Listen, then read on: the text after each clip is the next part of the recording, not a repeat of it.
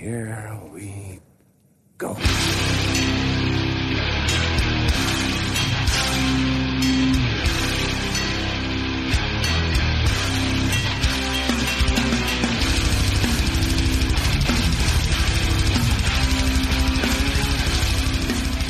Sådär och nere på noll avsnitt 147. Här sitter jag Robin Lindblad med världens starkaste kaffe i kroppen signerat en viss David Olsson. Så är det. Ja, fan vad du var liberal med kaffepulvret. Det krävs ju en Äh, ja, helvete. skit en måndag som det här. Ja, precis. Det är idag måndagen den 21 juni och vi lanserar här med världens spretigaste avsnitt. Eh, vi har eh, ett gäng olika delar som vi ska snacka om idag, eh, men framförallt en, ett huvudtema som är Asta Kask. Och eh, med oss för att eh, reda ut den här sörjan är ju eh, känd från Quarantine och Enighet fansinet Marcus Eriksson från Manic Ride och en herrans massa andra projekt.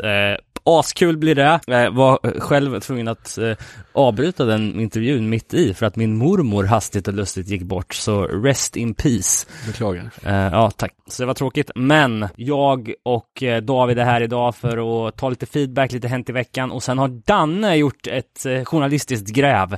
Nej, snarare en uppföljningsintervju med Fredrik från fanzinet eh, On Earth As It Is In Hell som vi lanserade pre-order på för några veckor sedan. Den har kommit nu. Eh, ja, har du läst den?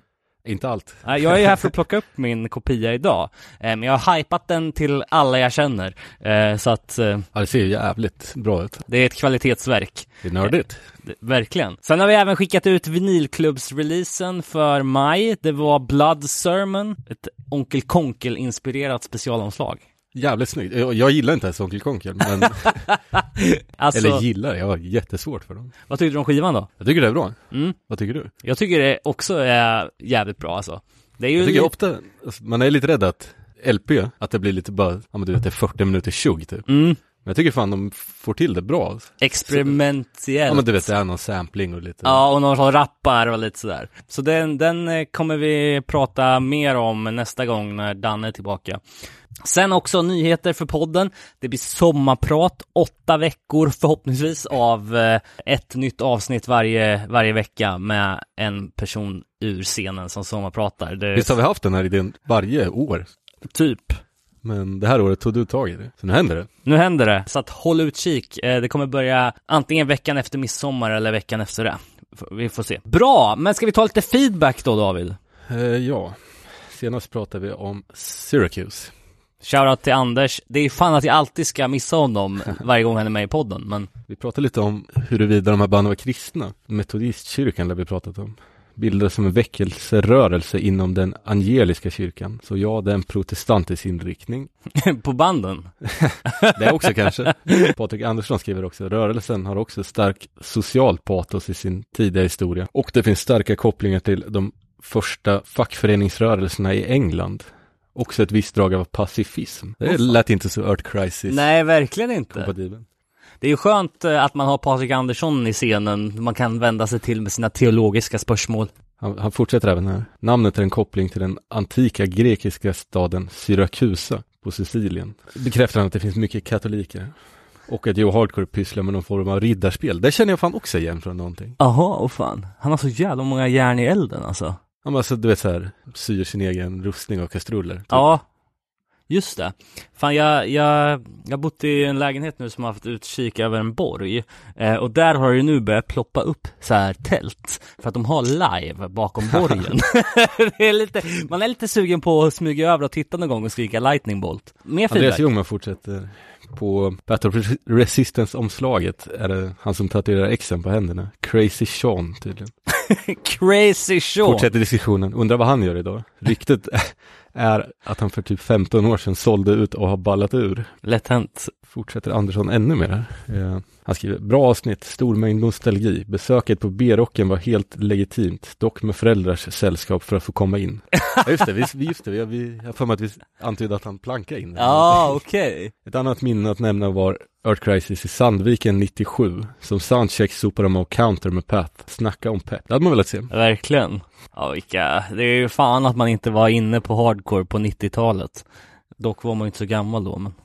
Eh, vi kör lite Hänt i veckan då. Eh, jag kan börja med Är du inne i en ska-period nu? Eh, ja, sen Less than Jake blev annonserade till Göteborg så är jag absolut det. Det är ju den, den tiden på året. Eh, något annat som var kul att se. Semesterskan. Ja, exakt. Den, den hör ju till. Något annat som var kul att se var ju att Örebro Punkfest annonserade sin lineup här Ja, igår det. eller någonting. Kul. No, no Fun All headline, eh, Mimikry, ditt favoritband, eh, Lastkaj, ditt favoritband, eh, Vonna Inget, mitt favoritband. eh, nej men eh, det är... Kul med lite blandning sådär också. Ja, verkligen. Och När var det? November typ? Ja, eller var det i oktober? Det var någon gång där, men det är väl på Frimis igen då, så att eh, vi får väl se. Men eh, det ser man ju fram emot. Eh, verkligen. Hoppas man kan gå Fan på vad man är sugen på att se livemusik. alltså. Verkligen. Ja, mer då. Eh, fler turnéer som har annonserats. Jag såg att Bad Religion hade annonserat en Europaturné för 2022. Det skulle vara support då från Suicidal Tendencies, Millencolin, Devil in Me och lite annat. Eh, Du skickade någon länk till någon festival där alla band i hela världen spelar. ja, Hellfest 2022. Det var ju en helt sjuk line-up alltså. Det känns som att en sån dag är ju en, festival egentligen. Ja. Ja men du såg eh, hardcore-scenen. Det var ju liksom Turnstyle, Worst Doubt, det var liksom Agnostic Front, det var, ja. Mm, Men det var väl även typ Metallica och sånt? Ja, ja, ja för fan. Guns N' Roses. Ja. Men, eh, och, och det, det kanske kan vara något då om, eh, om nu de lyckas boka Misfits. Eh, fast de, de gör ju inga festivalgig. Men om de skulle göra det så har vi, vi har ju faktiskt lovat varandra att nästa år så ska vi åka på Misfits om de kommer till Europa oavsett var. Faktiskt. Okej, mer då. Jag såg att Ian Mackay hade gästat på The Vinyl Guide Podcast. Tydligen en ganska, en långkörare bland poddar då. Inte hört men Nej. handlar det om vinyl eller? De, de, de pratar bland annat om det här nya Discord-box-sättet och lite annat. just Eh, så att det kan vara värt att kolla in om man är på väg att lägga en pre-order. Sen eh, Angel Dust har eh, släppt en ny EP. Eh, den kom helt out of the blue och eh, kommer då släppas via Roadrunner. Eh, det är dock bara två nya låtar och sen lite gamla låtar med på, på den också. Men ja, för er som gillar Angel Dust så finns det nytt att ta tag i. Sen så veckans Chromags. Vi var inne på Age of Quarrel. De lär ju spela på den där Hellfest. Ja, ja, ja, lätt, lätt. Eh, jag såg att Age of Quarrel var ju uppe på eh, Record Store Day-listan. Eh, och bandet hade ju gått ut och denounsat det här. Vi snackade ju om det här i förra avsnittet tror jag, eller förra, förra. Efter att den här reissuen var annonserad och skulle släppas på Record Store Day så gick ju Harley ut och bara nej det där stämmer inte, bla bla bla. Och att han skulle göra någonting åt det. Och nu verkar det som att Harley har, har liksom lyckats. För nu har den tagits bort från Record Store Day 2021-listan. Så vi får väl se vad som händer där med reissuen av Age of Quarrel. Sen så, eh, mer på Chromax, det var, de hade de har gjort en, officiell då re-release eh, av deras eh, dubbel liveplatta från 94, Hard Times in the Age of Quarrel. Eh, den nya versionen då är remasterad och släpps på Back on Black i september. Får man inte det ena så får man ta det andra, nämligen en liveskiva då. Sen var det... Gillar du liveskivor eller? Vad sa du? Gillar du liveskivor? Alltså, det beror lite på. Om, om eh, jag kommer ihåg att när jag började lyssna på Burning Heart-plattor, liksom, bland annat Cheap Shots hade ju några live-låtar med på varje släpp, va? Va? Eh, Nja. jo, men alltså, eller bara jag Kanske som inbillar mig. För jag lyssnar på Liberator Lorraine, den låten. Satanic Surfers hade en live-låt med. Jag tror till och med att det var något mer band som hade. Men det kanske var separat, inte på själva Cheap Shots-releasen. Men det var ju populärt förr och det var ju bra då. Alltså jag, det var ju liksom, även fast det var knackigt inspelat så minns jag det som bra. Men nu på senare år så har jag ju bara, jag gillar ju inte liveskivor men jag gillar, älskar ju liveklipp. Ja, Liksom, där sitter man ju och kollar på jämt. det kändes som liveskivor bara är ett sätt att komma ur ett skivkontrakt.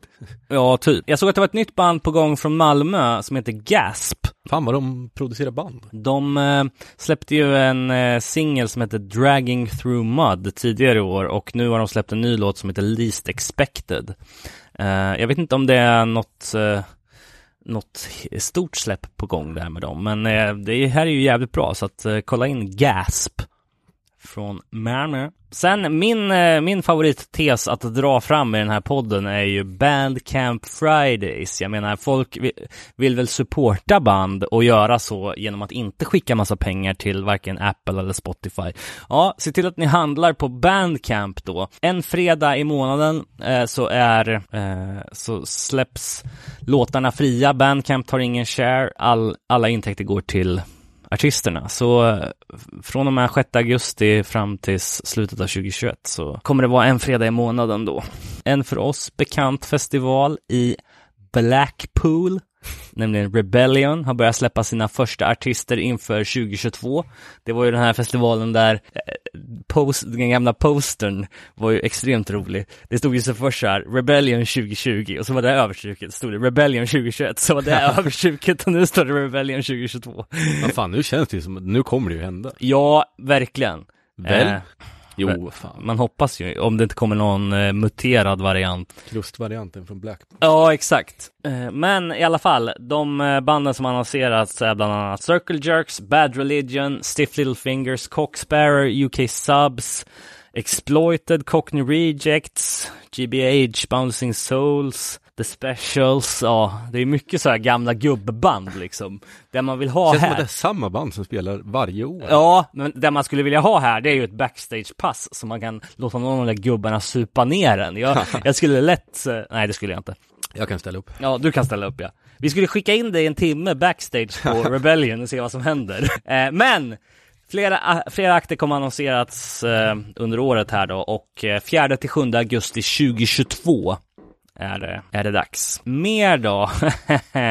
Eh, jag såg eh, en ny festival som ploppade upp som jag jag vet inte om man har hört talas om den innan. Eh, jävligt snygg logga. Jera On Air heter den. Eh, går av stapeln i Holland, så det är inte jättelångt från Sverige. Och de har nu börjat släppa sina band inför 2022. Eh, Rise Against, Bad Religion, Counterparts, Offsprings, Offspring, The Hives, Anti-Flag och så vidare. Det verkar rätt fett. Lät lite kul. Sen tidigare då. När var det så? Det här går av stapeln 23 till 25 juni 2022 i Ysselstein, Nederländerna. Och sen tidigare annonserade akter inkluderar Hatebreed, Killswitch Engage, Knocked Loose, Drain, For the Fallen Dreams, Incendiary, Fan, ja, kanske finns det lite marknad för. Lionheart, Nasty, Malevolence, Suicide Silence, Tim Vantol, Boys Sets Fire, More Than Life Is War, Life of Agony, alltså Walls of Jericho. Jävligt fet lineup, Ja, måste jag säga. Ja, vill man ta sig ut i Europa, kanske på en liten roadtrip, så Ger- Gera On Air heter det i alla fall. Ja, eh, Less than Jake till Göteborg har jag ju skrivit in här såklart. Eh, det gjorde mig väldigt glad. Jag köpte biljett dirr. Vad kostar det? Minns inte. 250 kanske?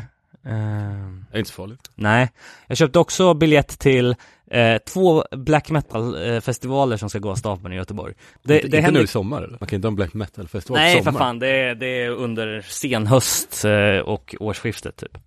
Sen vet jag inte, hann du lyssna på Turnstiles nya låt eller? Nej.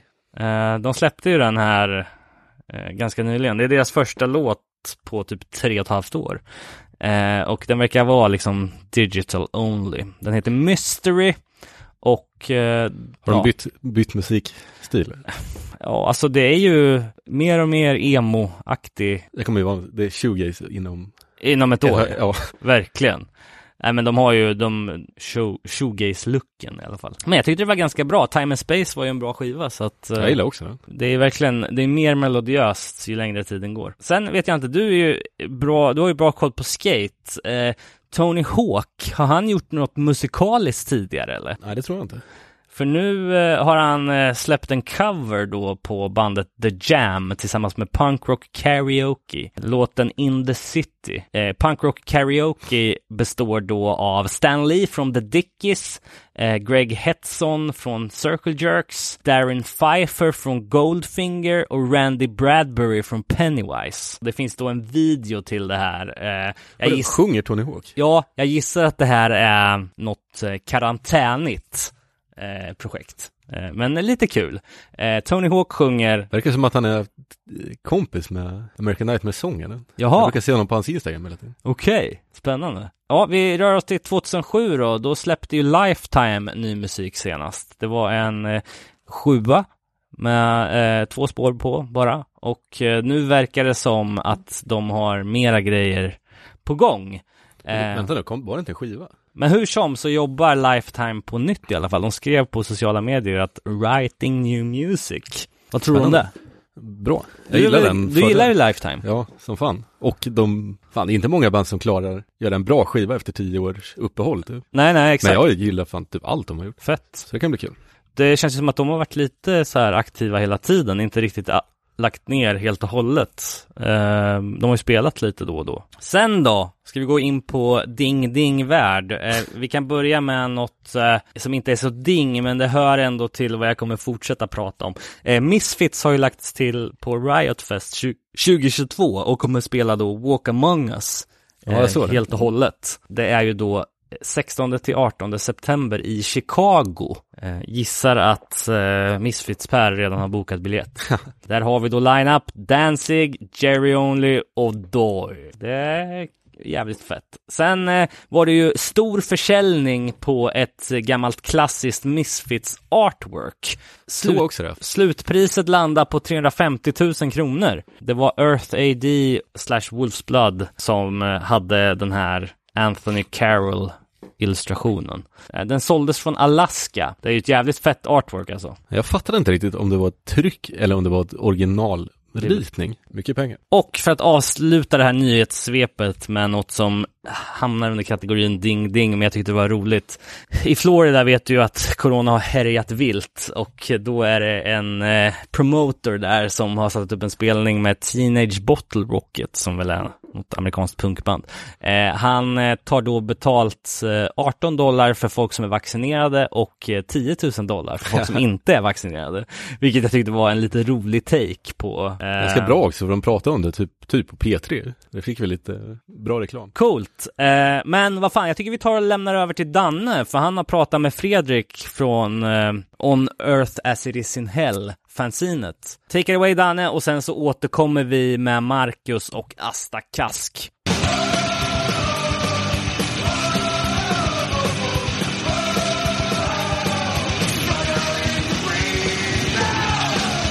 Sådär ja, då kopplar jag upp mig på det så kallade internet för ännu en distansintervju. Den här gången med Fredrik Linnet Eriksson, mannen bakom Misfits diskografi Boken, som damp ner i brevlådan här för någon vecka sedan. Tjena! Ja, tjena, tjena! Hur står det till? Nej, men det är bara bra. Böckerna är på väg, de är borta från mitt hus. Ja, vi får passa på att tacka alla vi i eftersnacksgruppen som fick en exklusiv pre, pre-order eh, på den hett efterlängtade uppföljaren. Vi fick ju höra att böckerna sålde slut illa kvickt. Mm, det var... Grymt bra respons. Absolut. De gick på, på bara några timmar. Och det var ju sånt jävla tryck på vår webbshop också så den kraschade ju när vi kör, körde igång försäljningen då så. Så ni som köpte i eftersnacksgruppen, ni gjorde ett eh, mycket bra val. Ja, det, det, eh, det uppskattas. Eh, och vi skulle ju egentligen ha gjort den här intervjun inför förra podcastavsnittet. Men då hade du för mycket att göra med bara, Ja. bara packa och distribuera. Jag visste inte. Jag sitter ju själv på, här på distributionsavdelningen så det var, det var jävligt körigt där en vecka men... Men nu jävlar, nu är det... Ja, för det är ju det är inga lätta pjäser, så jag tänker bara liksom att transportera dem från hemmet till posten måste ju ha varit ett ganska hårt arbete. Ja, det var... Fan, jag kör ju en sån här liten skitbil också så det blev ju... Ja, det blev några vändor. Och man körde väl det där till, till bristningsgränsen nästan på bilen så... Jag kanske får köpa en ny nu. En s- stor jävla pickup till, till nästa kanske. Ja, men precis. Men hur har mottagandet varit då? Eh, Ja, alla, alla böcker har inte kommit fram än och majoriteten är ju i, i USA. Men de som har fått den hittills tycker att den är, den är skitbra så det är, det är jävligt kul att den, den har fått bra respons. Jag har fått, fått nå, några griniga såna samlare som har köpt 3X som har fått en liten kantstött. I, i något hörn. De, de vill ha nya. Okej. Ja. vi säger att vi köper, till, vi, köper, vi köper tillbaks boken av dig men då, då backar de. Då vill de behålla den. Ja, det, det kan jag tänka mig. Jag såg nämligen att ett testprint på första boken såldes för 3000 spänn på Ebay här för inte så länge sedan. Ja, det är ju helt skadat det. Var ju min eh, kompis Michael som sålde sin.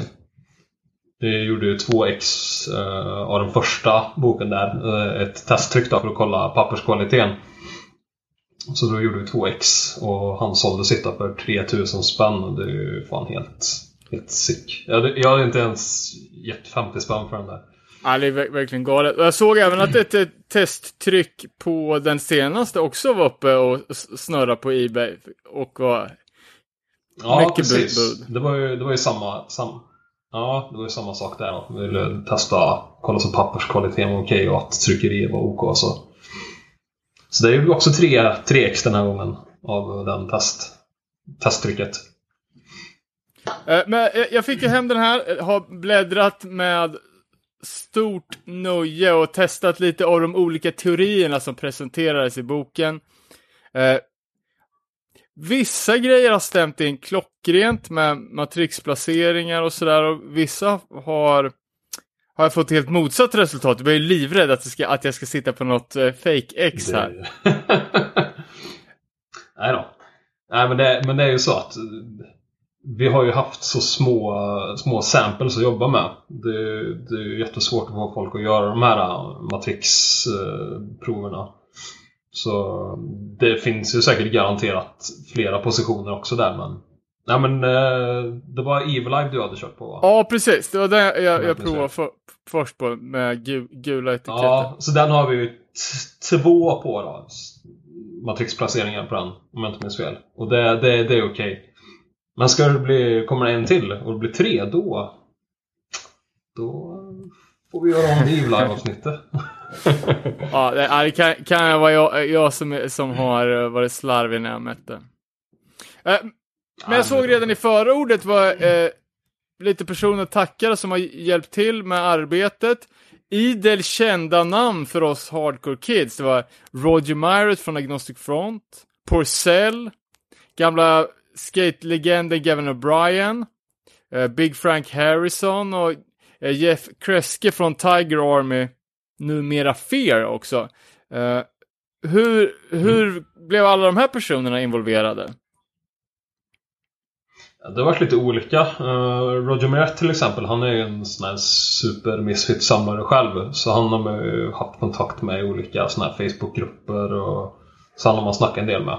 Så frågade jag, vill du bli intervjuad för, för våran bok? Han bara, ja visst, sure.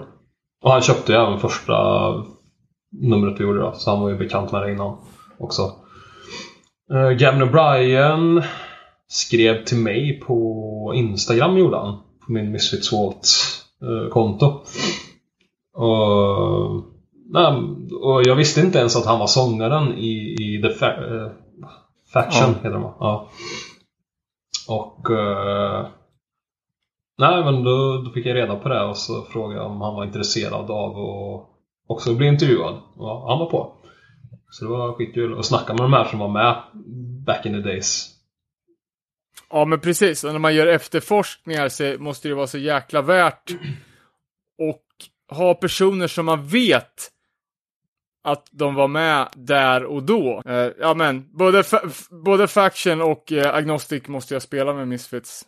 Eh, så då vet man ju att deras ex kommer i bästa fall direkt från Glenn. Ja, jag har en, en historia där från, eller som Roger Meret berättade. Att han hade åkt inne på Bleecker Bobs i New York och köpt sin uh, Bullet 7 Och han har alltid trott att den här har varit original då, tills bara för några år sedan.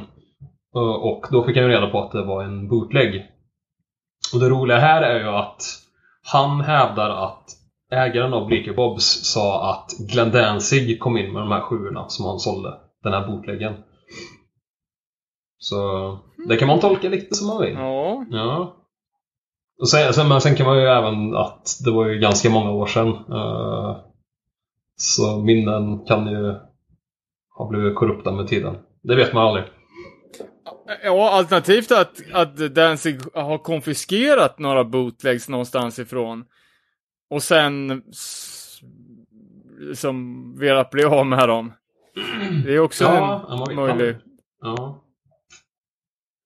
Eh, Men i, i boken så presenteras det lite li- nya siffror på pressningsupplagor och så här. Eh, Är det Mm. några som har emotsatt sig de här nya siffrorna? Nej, inte än. Eh, men jag hoppas att det är någon som gör det. För det är där vi vill, vi vill skapa lite diskussioner också och få lite mothugg. För det är inte säkert att det vi skriver är, är korrekt. Men vi har ju presenterat det här med, med data och bevis som ingen annan har gjort tidigare. Så, så ja, men det ska bli spännande sen när mer folk börjar få böckerna och man kan börja diskutera lite. Eh, Och snabbversionen för de som inte hängt med tidigare avsnitt. Hur har ni tagit fram eh, informationen? Det är ju lite blandat. Det är ju, dels har vi samlat data från eh, som registrerar alla försäljningar av vinyl på Ebay. Så där har vi liksom sett och tagit varenda listing eh, från alla plattorna och eh, antecknat i eh, ett Excel-ark.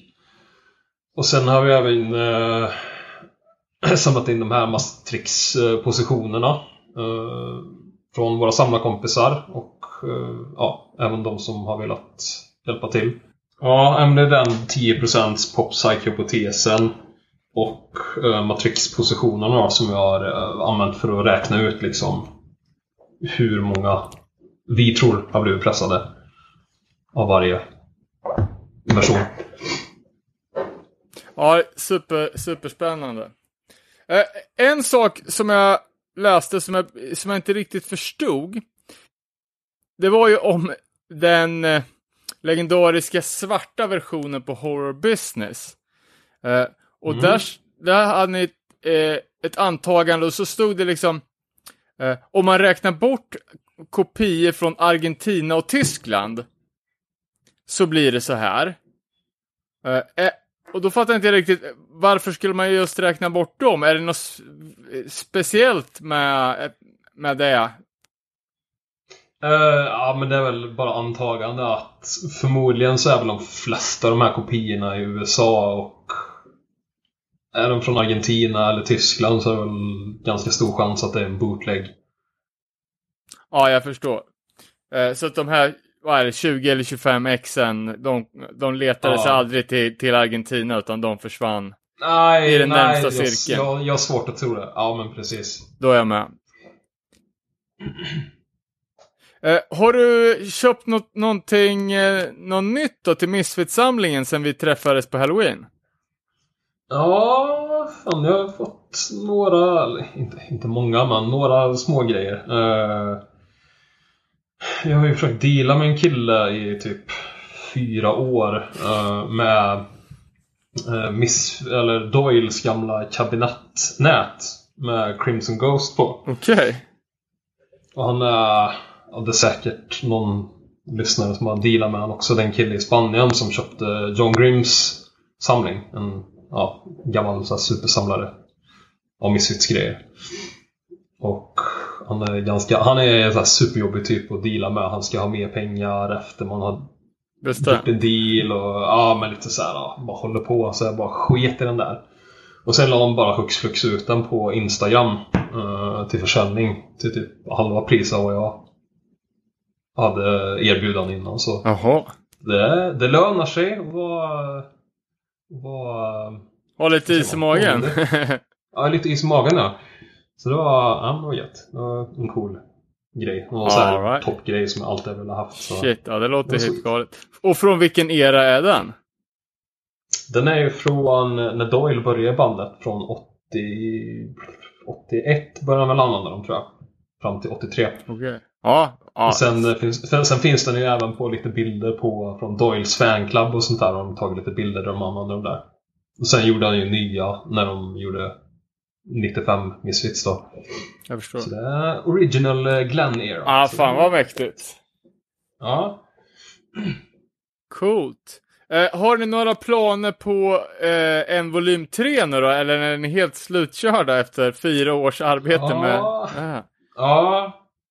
Ja, man är fan... Ja, man är ju jävligt mätt på det, det ska jag ju erkänna. Eh, jag tror Michael är det också. Han har varit så här lite... Ja, lite halv... Halvdåligt intresse tror jag. Men vi, vi får se. Allt kan hända. Kanske bara behöver låta det vila ett tag så, så, så kommer vi igång igen. Men som sagt, det, det kommer nog ta ett tag i så fall. Ja, jag förstår. Nej, men det är klart, man jobbar stenhårt och köttat så, så behöver det marinera innan peppen kommer tillbaka. Eh, Ja, men precis. Och när, när böckerna börjar landa i USA och folk får tid att läsa och sätta sig in i dem så kommer ju diskussionerna dra igång och då är det ju kul igen. Liksom. Ja men precis. Ja nu har man ju liksom bara jobbat röven av sig sen. Jag har ju typ kört nästan varenda dag i princip sen, eh, sen september. Så man är ju lite mätt på det nu. Och sen slutspurten med den här jävla distributionen också. Ja, ja, jag kan förstå det. Eh, Men vi är många som tackar er. Det har varit ett jävla nöje att läsa. Så jag, är, Ja, jag kommer det komma tillbaka till den här boken många gånger. Även om, Ja, ja men det är, det är för er, för er samlare. även så- om chanserna ja, att köpa nya Misfits-plattor minskar för varje dag så, så eh, är det det fortfarande är- jävligt kul. Ja, men det tar också lite udden av saker och ting. Det, jag vet inte. Det är så, det är så or- orimligt nu för tiden. Det, det tar lite udden ur samlandet också. Man, man kan ju inte köpa något nytt heller. Ja, det kanske dyker upp en ny box någonstans. Som man, som, så det blir Ja, lite precis. vågor Ja, i, i communities där. Ja. ja, ja, precis. Man får hålla ögonen öppna. men grymt! Eh, vi ska bara känna lite på pulsen. Eh, vi hoppas att vi kommer få göra en Misfits special nummer tre inom inte för lång framtid. Ja, men absolut. Det, det är på. Jag hoppas Ingmar, eh, Ingmarsson är med också. Självklart. Det är goes without saying. Ja. Jag måste ju rätta. Jag hade fel i förra avsnittet jag gjorde där med... Jag hävdade ju att Glens morsa hade dött för eh, Madison Square Garden-spelningen. Men eh, jag hade fel. Det var Per som hade rätt där. Det var ju för eh, New Jersey-spelningen såklart. All right. Ja, men det där är ägde mig totalt där. nutids Misfits. Det är inte riktigt lika viktigt. Nej, nej, nej. Fan, nej. Ja, men det är strålande. Tusen tack! Ja, men tack själv. Vi håller kontakten. Ha det bra. Det gör vi absolut. Ciao! Ha det gött. Tja, tja.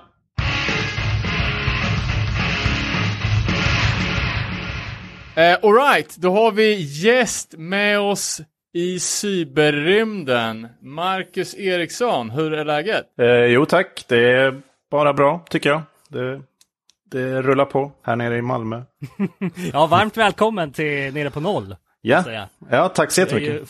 frekvent eftersnacksgrupp-postare, men eh, jävligt aktiv i hardcore-scenen. Eh, Du har ju hållit den vid liv här under pandemin med, med diverse olika projekt. Kan du inte berätta lite om dem? Eh, jo, eh, jag startade ju ett eh, nytt fanzine eh, och det var faktiskt precis innan eh, coronapandemin drog loss eh, som jag startade Quarantine Fanzine. Märkligt nog eh, namnmässigt. Eh, och eh, jag har ju gjort massa fanzines på 90-talet och tidigt 00-tal där. Men eh, jag fick ett sug nu när eh, eh jag tyckte inte det hände så mycket. Eh, dels för mig själv och, och dels på fanzinefronten såklart överlag. Det har ju varit ganska dött. Eh, så sen har jag bara rullat på där och folk har gillat det så det har varit jäkligt kul. Och sen så gjorde vi en samlingsskiva nu precis som jag tror eller det har ni ju snackat om i podden så det är alla lyssnare känner ju till det. Och det gick ju skitbra. Och nu har vi en andra press på gång där så det är kul som satan. Plattan heter Greetings from Sweden. Är det här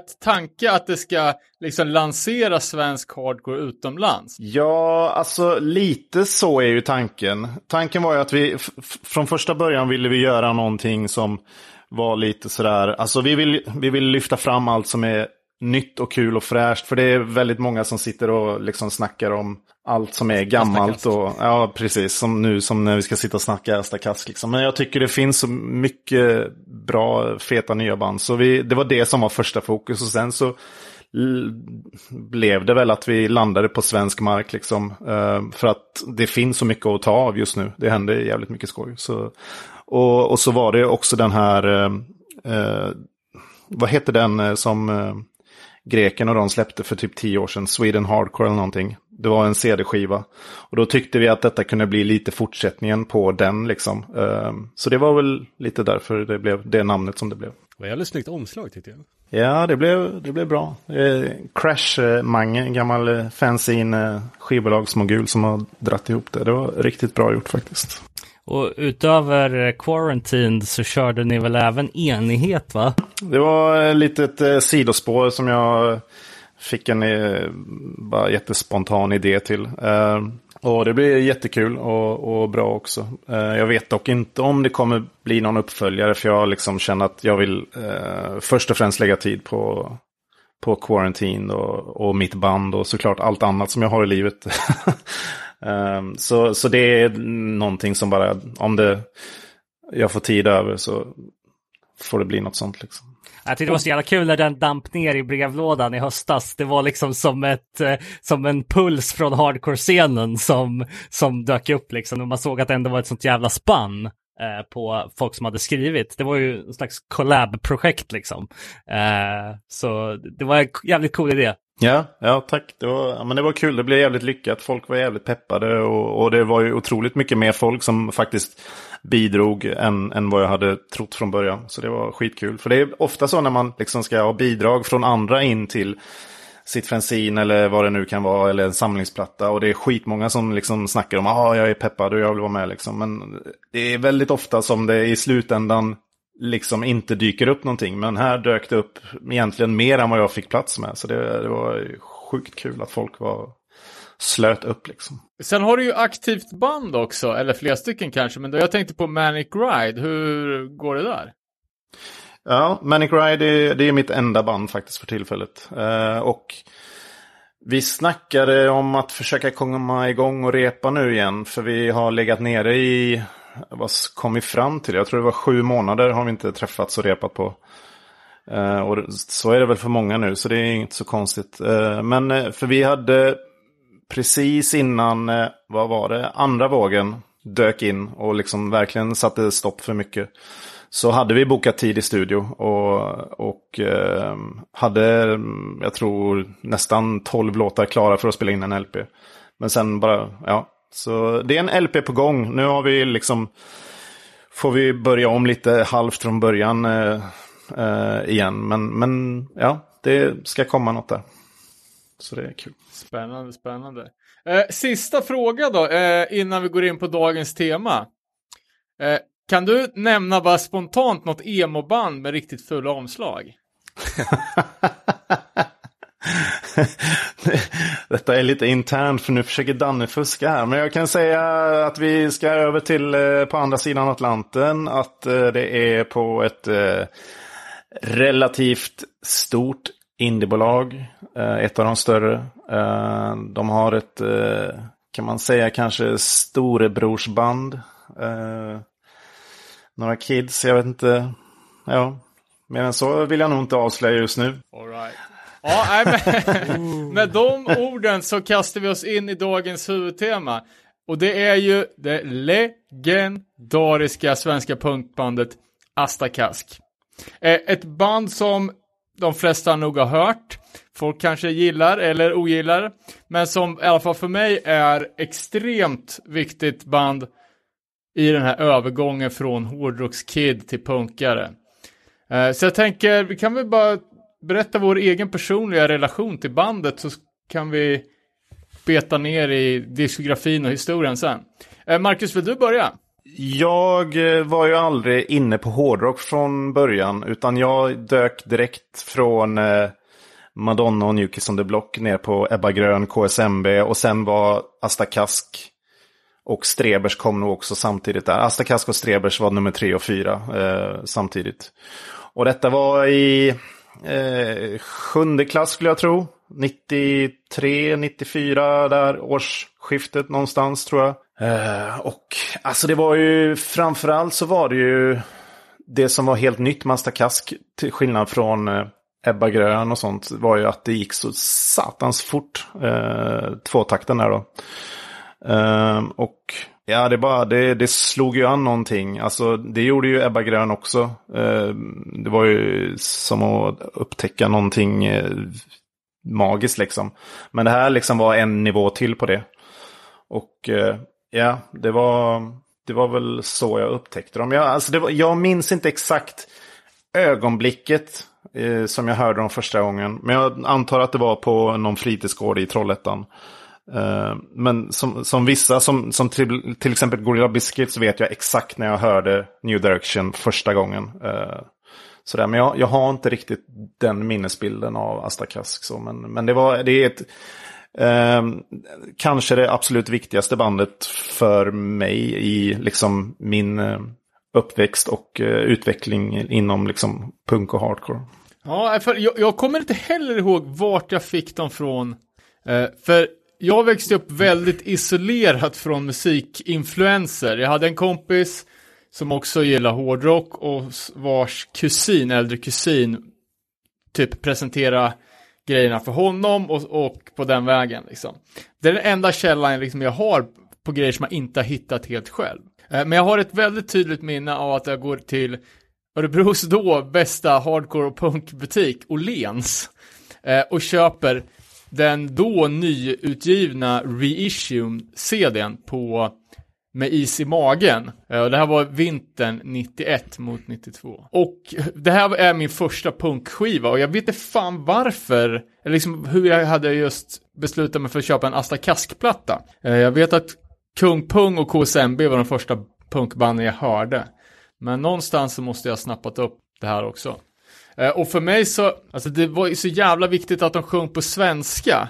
Det var precis i den här åldern, alltså ja, jag var väl typ 11, skulle fylla 12 år och man började kunna liksom ta in texterna liksom, vad so saker och till handlar om och när det började liksom sjunga som politik och miljöförstöring och sådana grejer som eh, som är sedan barnsben har varit väldigt intresserad av. Just det här, ja men ta hand om djuren och naturen liksom.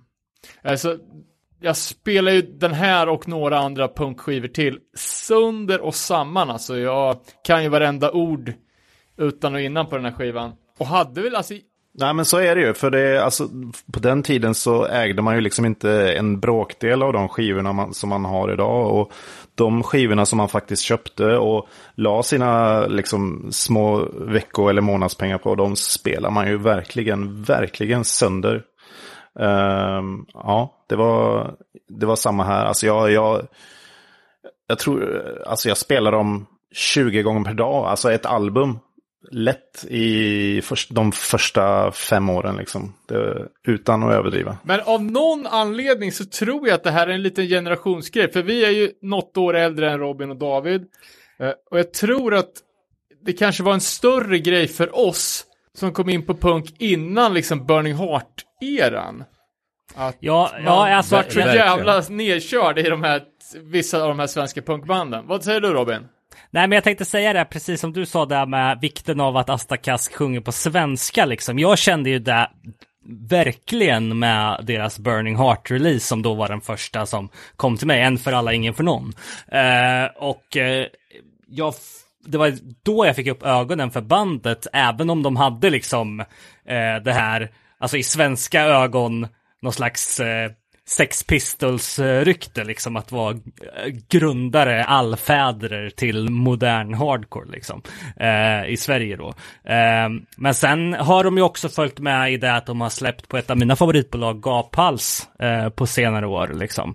Eh, så, så då har de ju ändå på något sätt i min min musiksmak hängt i. Jag har inte haft superkoll på där de släppte på 80-90-talet. Liksom. Då då Mig är det mer David, som- fa- fanns som de i Motala eller? För mig är det mer som ett band som typ alltid har funnits, eller så här, ja, men Asta Kask, Asta Kask typ. Det har aldrig varit något så jätteviktigt band för mig personligen. Men jag har alltid gillat det. Men lyssnar ni på svensk punk innan ni börjar lyssna på liksom så kallad hardcore? Alltså, Nej, Det- jag lyssnade det- på skatepunk först. Ja precis. Skatepunk, eh, men Typ allt var ju på engelska liksom. Eh, Svensk svenska texter i den här formen hade man ju i princip inte haft någon kontakt med innan man kom och lyssnade på Asta, Karta, eh, ja. Nej, men jag tror det handlar, alltså det på, man, man, vilken typ av relation man har till banden, det tror jag beror otroligt mycket på vilken väg man kommer in liksom. Som jag och Danne tror jag har kommit in på samma väg, även om du kanske hade hårdrocken innan dess. Så, så var det ändå innan du upptäckte Millencolin och Refused och, och hela den biten. Och då tror jag att man får den här speciella relationen till det. Och det har ju också att göra med i vilken ålder man kommer in på det tror jag. Det, det tror jag påverkar jättemycket. Ja, men ska vi kolla lite på, på bandets katalog och dess historia då? Det hade jag faktiskt in, ingen koll på, men de bildades redan 78 och lirade ett par år under lite olika namn. Till exempel X-Tas och eh, Jade Haters.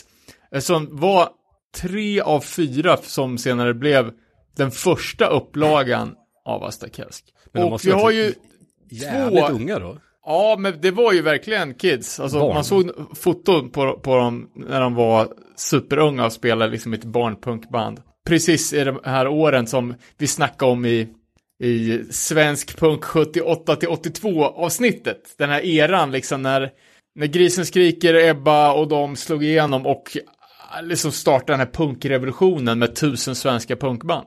Eh, men det finns ju ett väldigt tydligt Astakask volym 1 och ett Astakask volym 2. Eh, för det är ju då egentligen bara sångaren och gitarristen Micke Blomqvist. Inte att blanda ihop med killen från Millennietrilogin. Som är den enda konstanta medlemmen. Eh, han hade ett brödrapar med sig. Eh, Pelle Karlsson, Rest in Peace, som spelar bas. Och hans brorsa Uffe, som lirar trummor. Och sen en kille som heter Stefan på gitarr. Som var det första Astakasket. Kasket. och av den här uppsättningen så, så, så är det bara Micke som är kvar då till dagsdatum. Och då, de spelade efter ett par år som band in en sjua för Kung och Fosterland. Och det är den releasen som jag har lyssnat absolut minst på. Är det någon som har en som favorit-release? Snyggt. Jag tycker dock att det är jävligt bra. Ja, alltså den är ju skitbra. Och... Men, men det är ju ett helt annat Astakask än, än vad det blev sen. Eh, och det säger ju de också att, uh, jag kommer ihåg, de pratar alltid om att de tyckte att första sjuan svängde som satan liksom. Och sen så kom andra sättningen och typ förstörde det, tyckte de själva då. Men eh, det vet jag inte om det bara ska, att de skulle vara lite... Jag läste att de sa att de hade spelat in den på två timmar. Ja, det är ju sjukt. Yeah. Riktigt sjukt alltså. Och, och, och Ja. supit och börjat bråka typ. Ja, det var väl lite där det, den första sättningen gick sönder. Liksom, för de hade ju redan splittrats när den första singeln kom ut. Jag tror de spelade in det 81, tror jag den är inspelad. Men den kom inte ut förrän 82. Ja, nå- någonstans vi- vinter 81 tror jag. Eh, och bandet som, som är från Töreboda, Öreboda, Reboda, Eboda, Boda, Oda, Ada, Ada, Oda, Boda, Eboda, Reboda, Öreboda, Töreboda åkte ner till Stockholm för att spela in eh, i en ganska ansenlig studio. Och jag vet inte om tanken från början var att de skulle göra det på bara två timmar, eller om det var det här bråket som gjorde att de bara fuck it, jag vill bara härifrån och sura. För det är ju, alltså det är bra jobbat, man hinner inte ens micka upp ett par trummor på två timmar. Eh, och sjuan överlag, det är ju extremt, alltså det, det är ju klassiskt 77 punk sound. Med en virvel som jag alltid tänker på att det låter som om man boxar i en degklump. Ja, ja, men det är lite talande faktiskt. Eller lite rätt bra beskrivning. Jag tycker väl det, det, jag tycker det låter väldigt mycket som Ebba Grön fast på eh, om man speedar upp en eh, vinylskiva rätt mycket. För det går ju, det, det är ju det som är, redan här så spelar de ju, även om de inte har satt igång med den klassiska Asta 2-takten som de kör sen och som, som alla band efter det har apat efter. Men, men de kör ju fortfarande någon typ av tvåtakt även om den är det här bompa, bompa, bompa, bompa. Um, ehm, och, och det är ju Micke som, som har skrivit låtarna och det är, han skrev ju mycket senare också. Så det, alltså det känns ju igen mycket men, är, men man hör ju att det är ett annat band som spelar egentligen. Och, och låtar, alltså man tänker, eh, första låten Ringhals brinner som är den, tycker jag, överlägset bästa från den här sjuan. Den är ju, den är ju, hängde med bandet genom hela karriären och kom ju på, sen på en LP. Eh, och den låten vart väl en smärre hit. Den spelades på P3 och eh, hypades i punkprogrammet Ny Våg. Övriga låtar, ah, jag är inte helt såld, men det, det är bra sväng, det är bra catch och om man tänker att de spelade jävligt snabbt så är det ju också sången är ju extremt rapp. Alltså, den är kvick. Eh, på, eh, eh Hjärndöd heter ju låten, det, det går ju så in i helvete snabbt i verserna, så det är ju ett under att han hinner artikulera in allting. Ja, där har man försökt att sjunga med och det, det är svårt som satan alltså. Sen tycker jag, jag måste nämna Mänsklig existens eh, som en eh, sjukt bra låt också. Och det var, den följde nog också med väldigt länge, för den är ju med i alla fall på den live från andra sidan, den, eh, när de gjorde sin första återförening. Eller förlåt, inte första återförening, andra återförening 92. Eh, så, och, och, den tycker jag är också i, i klass med Ringhals brinner faktiskt. Du sa ju i den dokumentären att Bert Karlsson hade gett ut det här. Var det ett skämt eller? Ja, jag, jag var tvungen att ta det till våran svensk punkguru Lill-Danne här och det fråga. På, det, det, var ju inte på Discogs till exempel. Nej, för sjuan släpptes ju på Pang Records som är väl en klassisk etikett där man liksom kan Alltså släppa fast man inte har ett kontrakt. Lite ja, så. det såg, såg, verkligen så ut när man kollar på releaselistan på, på Discogs alltså. Att det inte var, det var inte alldeles överseriösa band direkt. Men för det är skumt, för, för i dokumentären så sa de ju faktiskt att eh, de vart kontaktade av Bert Karlssons Marianne Records att de initialt gav ut skivan och drog tillbaks den. Men någon övrig info om det här har jag då inte hittat. Sen släpptes den, återsläpptes den först av 1000 decibel och sen eh, av Rosa Honung till senare. Men någon Marianne Press vet jag inget om. Nej, det känner inte jag heller till. Alltså jag har hört den här Bert Karlsson-historien flera gånger. Eh, och de var ju även liksom eh, bokade av eh, alltså dansbandsbokare och sånt där liksom.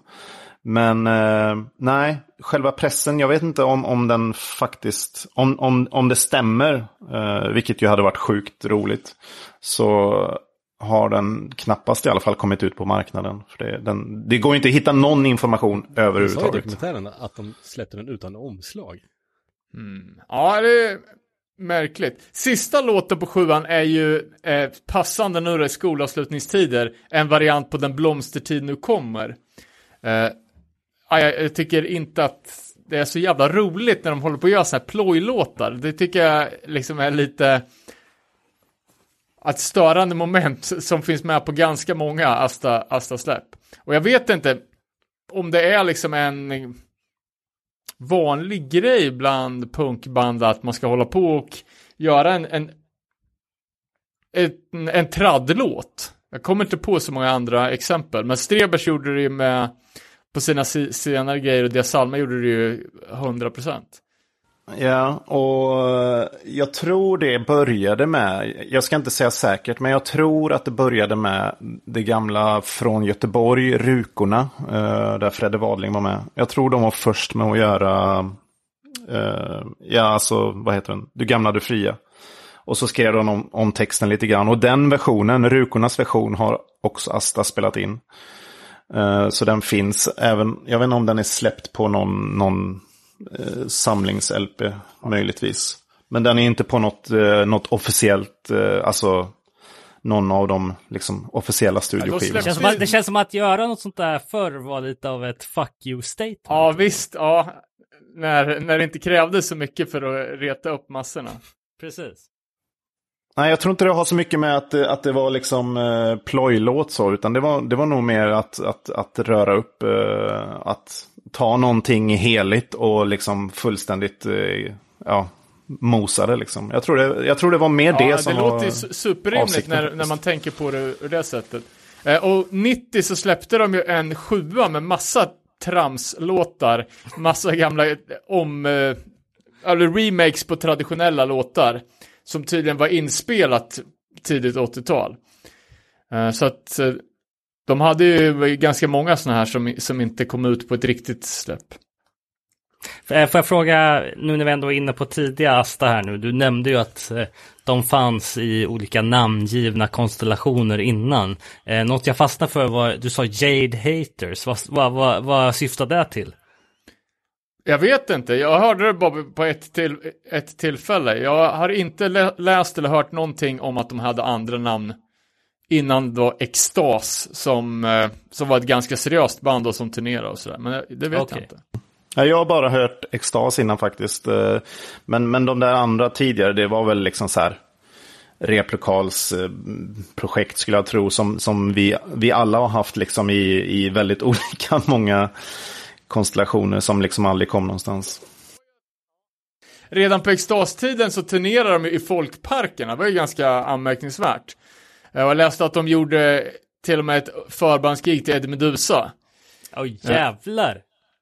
Och där får man ju ta i, i beaktning då att det här var ju på den eh, tiden när raggare och punkare slogs på blodigt allvar liksom dagligen och att det var ja, men förenat med typ livsfara att ge sig ut på de här turnéerna för alla i publiken var raggare och hatade dem. Försök till Unity redan på den tiden. Ja, på den, på den tiden fanns ju inte den här eh, liksom rockabilly-punken eh, och, och att Millencolin eh, liksom körde lite så här, alltså flörta med det. det. Det där fanns ju inte då, så det, då var det ju antagligen förenat med livsfara liksom, skulle jag tro. Ja, alltså bara, eh, sorry, sne- sidospår av Guds nåde, men min farsa liksom, han är idag 62, eh, hur jävla uppstyrd som helst, revisor. Även han berättar ju om att de slogs med järnkedjor när de var 15, liksom, när det kom raggare, liksom. Det var liksom inga, det var inga smågruff, det var ju liksom intensiven.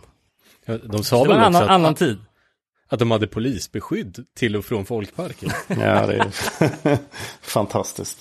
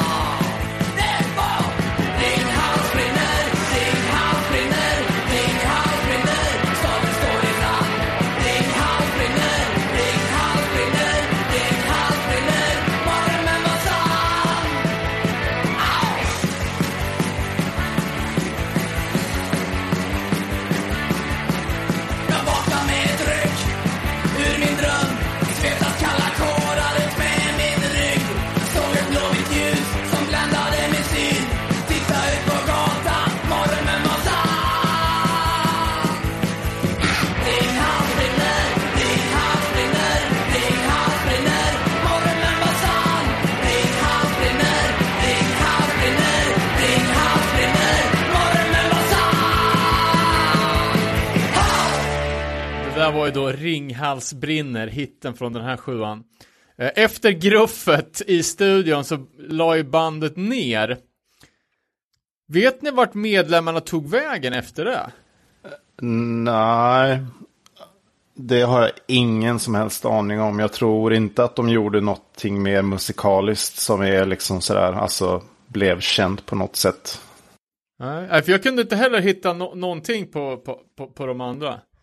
Eh, sen var det ju ganska kul, kul story hur Asta 2.0 kom till. Eh, och då var ju då killen som heter Bonnie Pontén som var stand-in i bandet, det mycket fina bandet Diables Grupp 6. Eh, kända för låten Född i farstun från Varning för punk. Som då kontaktade Micke som var den enda punkaren i Skaraborg med körkort. Och gav då Micke i uppgift att skjutsa Diabless till en spelning. Och i bilen på, vä- på vägen dit så började de snacka om att de skulle börja spela tillsammans. Eh, och de kom överens om att Micke hade varit drivande i sitt gamla band och att bandnamnet Asta Kask var så jävla bra så att de skulle behålla namnet men starta på nytt och börja prova ut nya medlemmar. Uh, och uh, jag måste få flika in där. Dels så spelar ju Bonnie med Produkt Assar också som eh, finns med på eh, diverse eh, gamla punksamlingar. Främst Varning för punk tror jag. Men jag måste också få säga att eh, Bonnie var ju också första gitarristen i eh, Anticimex. Vilket är ganska kul att, att säga till alla Asta Kask-hatare, men Anticimex-älskare, för de finns många. men eh, nej, men han var med där precis i början. Och Ja, och Jonsson Och spelar ju, körde på, eller så gjorde det audition för att spela trummor också. ja, det stämmer. Det stämmer absolut. Ja. Eh, Och bandet då som, som skulle bildas, det blev ju då Micke och Bonnie, eh, Magnus Bjurén, Björre på trummor, som var legendarisk för att vara bra på trummor i, bland kidsen i Skaraborg. Och sen Magnus Hörnell, Ernie på bas. Eh, och Ernie kunde tydligen inte lira bas innan, vilket är ganska imponerande, för jag tycker att basspelet på de följande singlarna är ju fan fenomenalt. Absolut, jag kan bara hålla med. Jag, jag visste faktiskt inte det, att han var helt grön när han började. Och det är... Ja, jag har alltid eh, tyckt att eh, basspelet i... Alltså, Asta, alla de som spelar i Asta är ju fenomenala på sina instrument. Men, men eh, basisten Ernie är ju, han är grym med sina eh, vandringar på the fretboard så att säga. Och sen att de här killarna typ inte kände varandra utan bara var ytligt bekanta. Eh, men sen blev ett sånt, sånt, sånt tajt gäng som har hållit ihop ända tills idag. Eh, och här så snackas det också lite om, om en vägkorsning, alltså den här tiden. När 77-punken var lite på väg ut. Och då band som Asta Kask och Simex liksom blev svensk punk generation 2. Även fast de fanns med i generation 1 också då. Eh, och svensk punk, alltså från, från den här tiden, var, det var ju väldigt mycket, alltså starten på råpunk-eran med Simex då såklart i, i spetsen. Men att det också delades upp till, ja, det som idag kallas för trallpunk. Som egentligen är liksom melodiös råpunk. Och där Asta Kask är liksom pionjären av det här soundet och att de ja, beskriver så att de var så pass isolerade där eh, på Slätta så att de gjorde liksom saker och ting helt utefter från eget tycke och tänk. Och då blev det liksom det här ganska speciella soundet. Trallpunk som begrepp var ju någonting som alltså började pratas om först på början på 90-talet tror jag. Så det är alltså att, att Astakask, att kalla det för trallpunk tycker jag är lite sådär. Ja men det, det funkar inte riktigt och det, det tycker ju inte de heller. De gillar ju inte riktigt det begreppet och speciellt inte när, när folk sätter det på dem. Utan de tyckte ju, alltså de var ju råpunk. Det var ju deras grej liksom. Och råpunk är väl den, kan man väl säga på något sätt är den svenska benämningen på hardcore, eller var då i alla fall. Vad hardcore var ju i, i, i, eh, England och USA, det var ju råpunk i Sverige. Och, och Astas bidrag var ju att de slängde in massa melodier i det. Så, så vad de egentligen är då är ju melodisk hardcore kan man säga. Eh, Ja, jag vet inte när begreppet trallpunk började användas. Det var ju definitivt inte det vid den här tiden, men jag, överlag? Jag tror det var i vevan för eh, De Lyckliga Kompisarna, typ Le som en fotomodell och typ Radioaktiva Räkor när de släppte sin första singel och sådär. Det var i den vevan där. Skulle jag tro, det är det jag har hört och läst om. Runt 90? Sen om, om det är, ja 91, eh, 91, 92 där någonstans skulle jag gissa. Det är det jag har hört i alla fall och läst. Men, men om, om det stämmer till 100% det, det vet jag inte. Men... Men bara för att återkoppla lite till det vi snackade om då att eh, de splittrade Astakask, de väntade hur länge innan de tog in en helt ny lineup? Var det ett eller två år från? Nej, jag, jag tror vi snackar eh, veckor. Eh, från att, att eh, eller ja, jag har för mig att jag, nå, någonting säger mig att jag har läst att, att liksom det, tog, det tog ett par veckor innan, innan eh, Micke liksom samlade ihop nytt folk. För han, han, han var ju den som ville köra vidare. De andra, så som han berättade, var ju att de var mest intresserade av att liksom eh, supa och leva jävel. Liksom. Eh, Medan Micke var väl den som hade någon typ av fokus och ville driva saker och ting framåt. Och, och ja, så, så jag tror inte det var speciellt lång tid. För de signar väl med ett bolag där ganska, ganska tätt inpå där, eh, Rosa Honung. Ja, Rosa Honung tror jag kom in lite senare i bilden. Det var 80, 84 tror jag de eh, signade på Rosa Honung. Eh, först så släpper de ju första singeln med, med andra sättningen. Eh, är ju, nu ska vi se vad fan heter den nu, den heter eh, En tyst minut. Och den släpptes ju på Skvaller Records som, som ju eh, precis som Quarantine egentligen var ett fanzine som började släppa skivor. Så, så det var ju absolut inte något uppstyrt bolag på något sätt tror jag. Eh, och det var väl... Eh, det var ju första singeln som de släppte, alltså Skvaller. Och eh, de släppte ju bara en singel där på, på Skvaller. Och sen, sen efter den så kom ju eh, Plikten, Plikten 7 Plikten framförallt på Rosa Honung. Men den första då, Tyst minut 7 inspelad eh, hösten 83. Eh, och det här är ju, den sticker ut lite i, i katalogen. Eh, den är, den är inte, inte superbra ljud och de själva verkar vara extremt missnöjda. De hade ju startat, det var väl Mickes idé, om jag inte minns fel, eh, att de skulle starta en egen studio i repan. Eh, och det här blev ju då Kloakens alternativa antistudio. Jävla punkigt namn.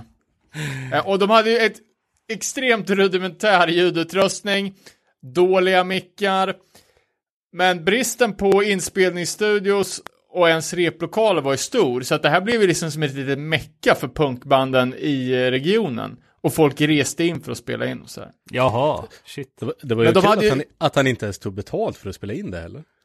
Nej, ja, men visst, för fan, det hör man mycket om att de är så jävla ja, men ideella. De spelar för shoppa-pengar, de hade studion gratis, såna jävla kungar alltså.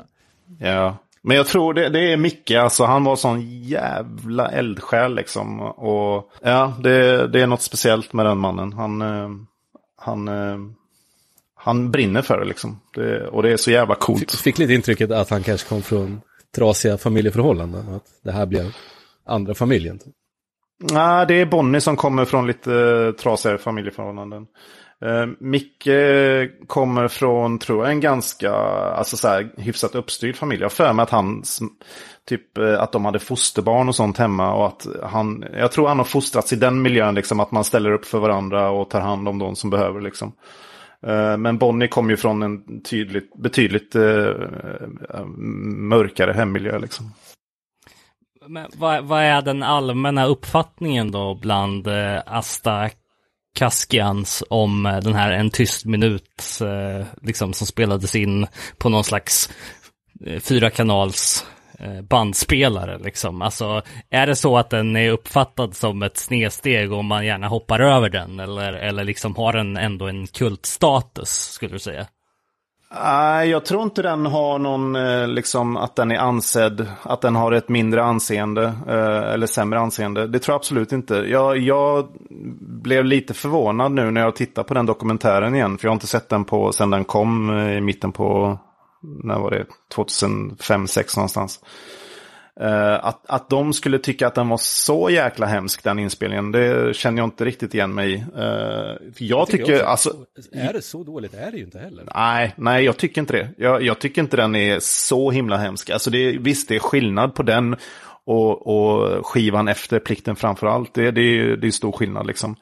Men, Men, det är segt skulle när man har spelat in bättre grej, eller man haft bättre ljud på skivan innan. Hade inte den funnits så hade det inte varit några problem. Men det blir jobbigt när skiva 1 är bra och skiva 2 är, liksom ett nedköp. Men det var kul, för jag hade liksom förs- första kommentaren på den här det var liksom kackigt ljud. Det låter som om de har knutit en, en munkavel över högtalarna liksom. Men sen, sen när de berättar om inspelnings... Alltså hur fan de, hur de spelar in, det var ju så extremt kul. Eh, för de spelar ju in i mono. Men sen kom de ju på genidraget att de skulle göra stereo. Och då drog de ut eh, genom mixerbordet i hörlursuttaget. Och så stoppade de in det i mixerbordet igen. Och då blev det helt plötsligt stereo. Men det där hade ju fallit bort sen på när de hade, jag vet inte fan, inom citationstecken mastrat skiten på, på, på presseriet. Men det är ju, alltså fan, det är ju, det här är ju starten för Asta Kask, liksom, även fast ljudet är inte det bästa, så här är ju liksom försmaken på vad, vad som komma skall låtmässigt. Eh, För det är ju, det här är liksom blueprinten för hur de skriver låtar med uppbygget, med så jävla starka, starka refränger och alltså, ja, det är, jag tycker det är ju en jävligt bra skiva.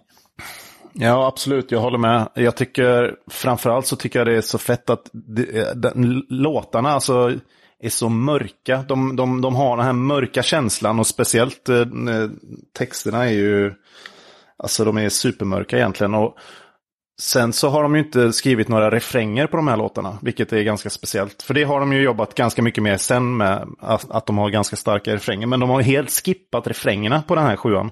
Vilket är jättemärkligt, men, men på ett coolt sätt. Uh, och sen vill, tror jag också att uh, om, om, om du lyssnar på låtarna så är det bara vers och vers och vers och det är inga refränger. På riktigt. Har du inte tänkt på det, på Danne? da, da, da, da, da. Det är väl superrefräng? Ja, det är sant. Ja, ja det är en refräng. Ja, där, där, det har du rätt i. Ehm, my bad. Men, om Men- man tänker så här. eh, Vietnam, eh, demokrati och ångest. De har inga refränger. Men landsplikt har det absolut. Det har du rätt i. Klipp ja, bort det, det. det, kanske, det kanske var lite där Earth Crisis tog sin inspiration ifrån att köra utan refräng. Ja, kanske. Men de pratar ju också... Men sen så är Ja, okej. Eh, Men sen så är det ju också demokrati som har den här eh, gitarrslingan. Du, nu, nu, nu, nu, nu, nu, nu, nu, nu, nu, nu, Som kanske är, nu, nu snackar vi om att Astekask är inte trallpunk och bla bla bla. Men det kan vara liksom själva första gången som man hör en sån typ av trallpunks gitarrslinga, tror jag. För jag kan inte eh, komma på en tidigare punklåt som har den typen. Så det är också ganska häftigt. Och det är ju liksom det här folkmelodi, eller liksom folkmusiksmelodierna som eh, plockas upp. Och också att de sjunger på svenska liksom. Det blir ju allt det där. Alltså om en så, också om en sån låt väl slår i ett bands karriär och man får epitetet av någonting att okej, det, det låter trallpunk om det här liksom. Det är klart att det hänger kvar. Mm. Jo, och det är ju liksom också ett nyckel till framgång på, på deras utlands... Eh, liksom att de, har, att de är så erkända och så hyllade utomlands. Alltså...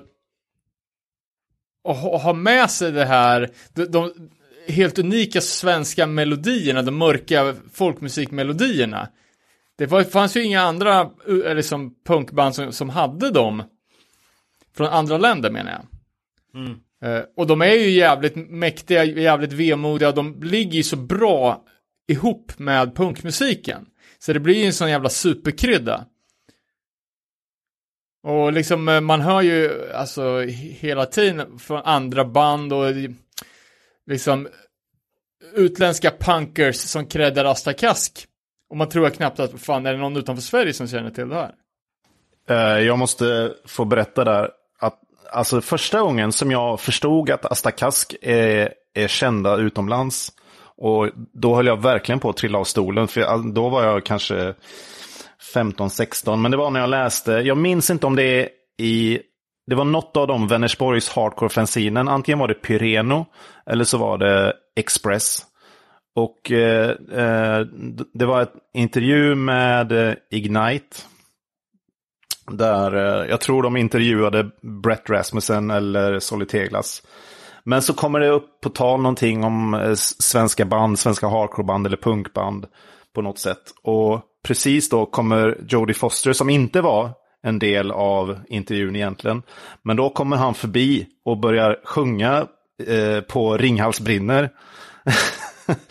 eh, och, och, och, alltså när jag läste det här, för, för, för mig när jag var 15-16, jag hade lyssnat på Asta sen jag var kanske 13 då någonstans. Och, och grejen var att och då, när man var 13, då började alla polare också lyssna på det samtidigt. Men sen släppte alla det med en gång. Så fort de upptäckte Millen, Refused, Burning Heart, Victory, då, då släppte de Asta och, och, gick vidare för då var inte det coolt längre. Men jag höll alltid kvar vid det. Så när jag läste det då blev jag helt så här, ah! det var liksom eh, det sjukaste jag har läst liksom. Så det var första gången som jag insåg att, att de hade gjort något typ av avtryck utomlands. Eh, ja, jag, jag, jag, jag, kan hålla med dig. Jag själv släppte aldrig mina punkband, men jag tog heller aldrig till med några nya. Liksom efter de här första fem. Um, och det var ju absolut inte någonting man uh, gick runt och, och uh, skröt med, att man hade en Asta Kask t-shirt. Liksom. Uh, det var ju verkligen ett... Att det är lite okred? Ja, men att det kändes så jävla daterat och så jävla bondtölpigt och ofresh liksom. Uh, men det är så, och också liksom när tyska bandet Rasta Knask dök upp, då tyckte man ju det var skitcoolt. Vad fan, eller liksom coolt kanske man inte tyckte, men det var jävligt märk märkligt liksom. Vad fan ens vet de vad det är? Och nu liksom när man eh, ja, men, följer hela skivsamlar-communityt på Instagram, liksom folk eh, offrar liv och lem för att få tag på Asta Kask-pressar eh, över hela världen och folk tycker att det är liksom toppbandet från Sverige. Typ Simex och Asta Kask och typ två band till som är våran största punkexport. Liksom. Men... Mm. Ja, alltså Asta Kask var ju sjukt uppskrivna av eh, Maximum Rock'n'Roll på den här tiden. Vi 83, 84, 85, de var ju eh, superhypade av dem. Och jag vet också att, eh, vad, he vad, heter han, eh, jag tappar namnet, eh, Dead Kennedy-sången. Biafra, han, han eh, vet jag eh, brevväxlade med Micke och tyckte att Asta Kask var skitfeta. Liksom. Så de, de, de gjorde ju ett verkligt avtryck. Liksom. Är inte sången rätt annorlunda också?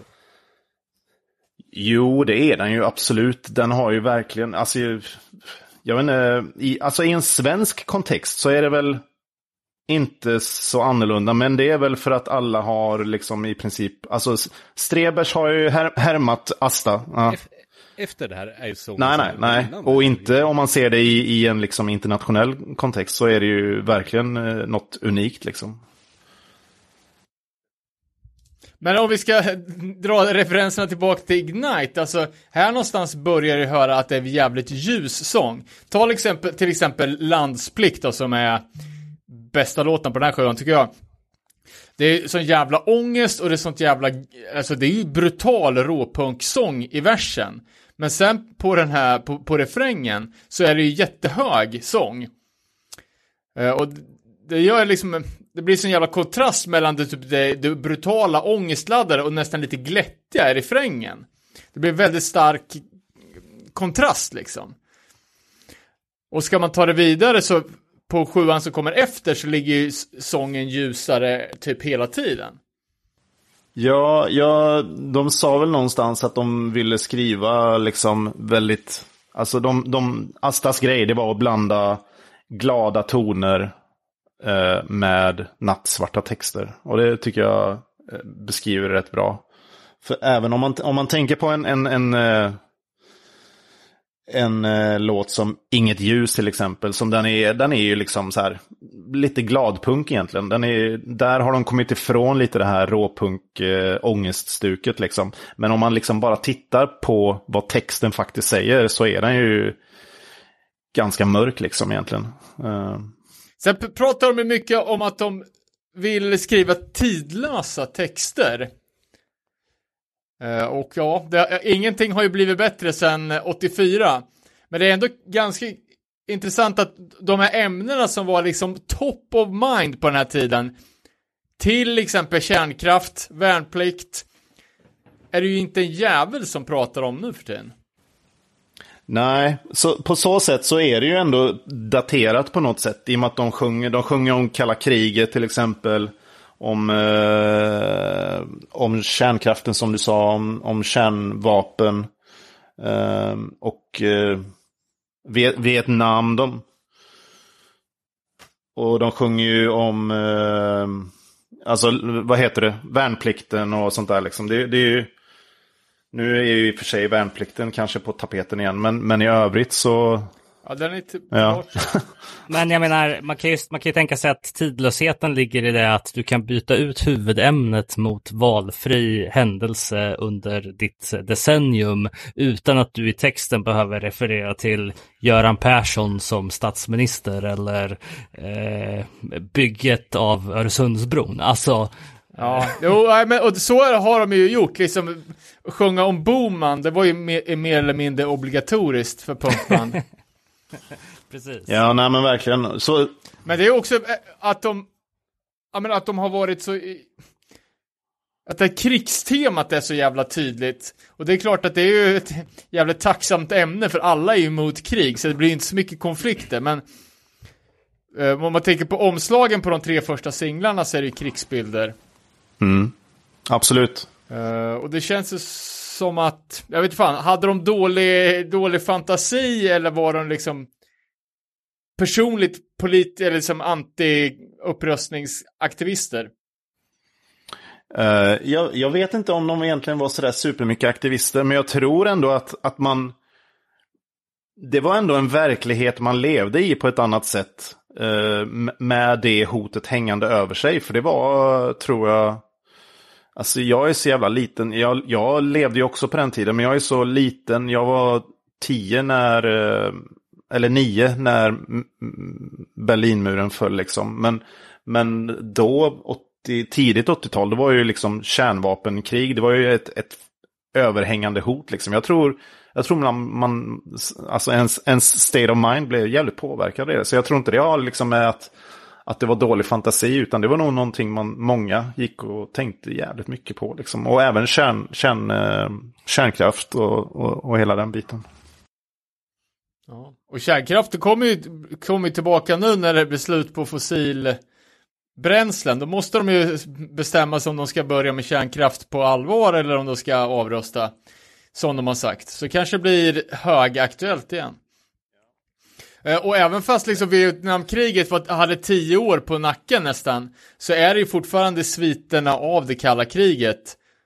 Och eh, att, eh, ja men, eh, Vietnamkriget var liksom en av de största händelserna i det kalla kriget och att det fortfarande var superaktuellt. Eh, jag tycker också att det är ju ett jävla gott och bra betyg på bandet Asta Kask och deras eh, ideologier och deras liksom övertygelse. Och också det här i, alltså att man kan hylla dem så jävla mycket för att de har gjort i princip samma grej, även om soundet har utvecklats, liksom att de är konsekventa. Jag menar, de fetaste banden man känner till, det är ju liksom de som gör samma sak om och om igen. Alltså Body Count, Mayhem, de låter ju som de gjorde för 20 år sedan liksom. Eh, och, och samma sak med Asta på ett sätt för att de de har inte låtit den här utomlandsglorian eh, som de ändå har uppnått, vilket är sjukt ovanligt inom, för, för ett svenskt punkband. De har inte låtit det liksom... Som är så här stort också, som skulle ja, kunna göra det. De skulle kunna fingra på liksom tusenlapparna genom att släppa en skiva på engelska, men de har inte gjort det, för de liksom Ja, fy fan, då hade jag fan åkt till Mariestad och gett en stryk. Alltså, det hade Det hade, det, det hade, det hade varit deras eh, begravning på riktigt. Det hade inte blivit bra. Så det, det är jag väldigt tacksam för. Att de knappt tog betalt, att de knappt tog betalt för spelningar. Nej, Precis. Kanske vi ska ta och boka dem till Örebro.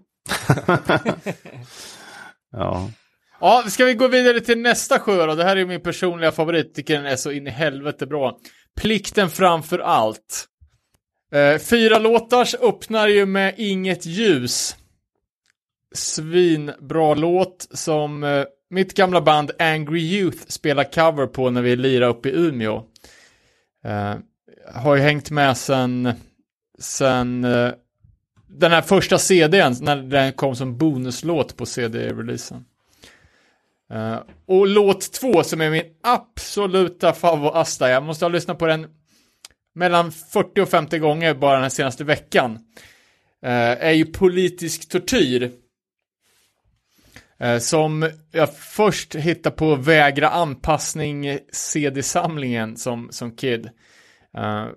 så jävla bra, jävla bra låt alltså. Och det här är ju basspelet på topp.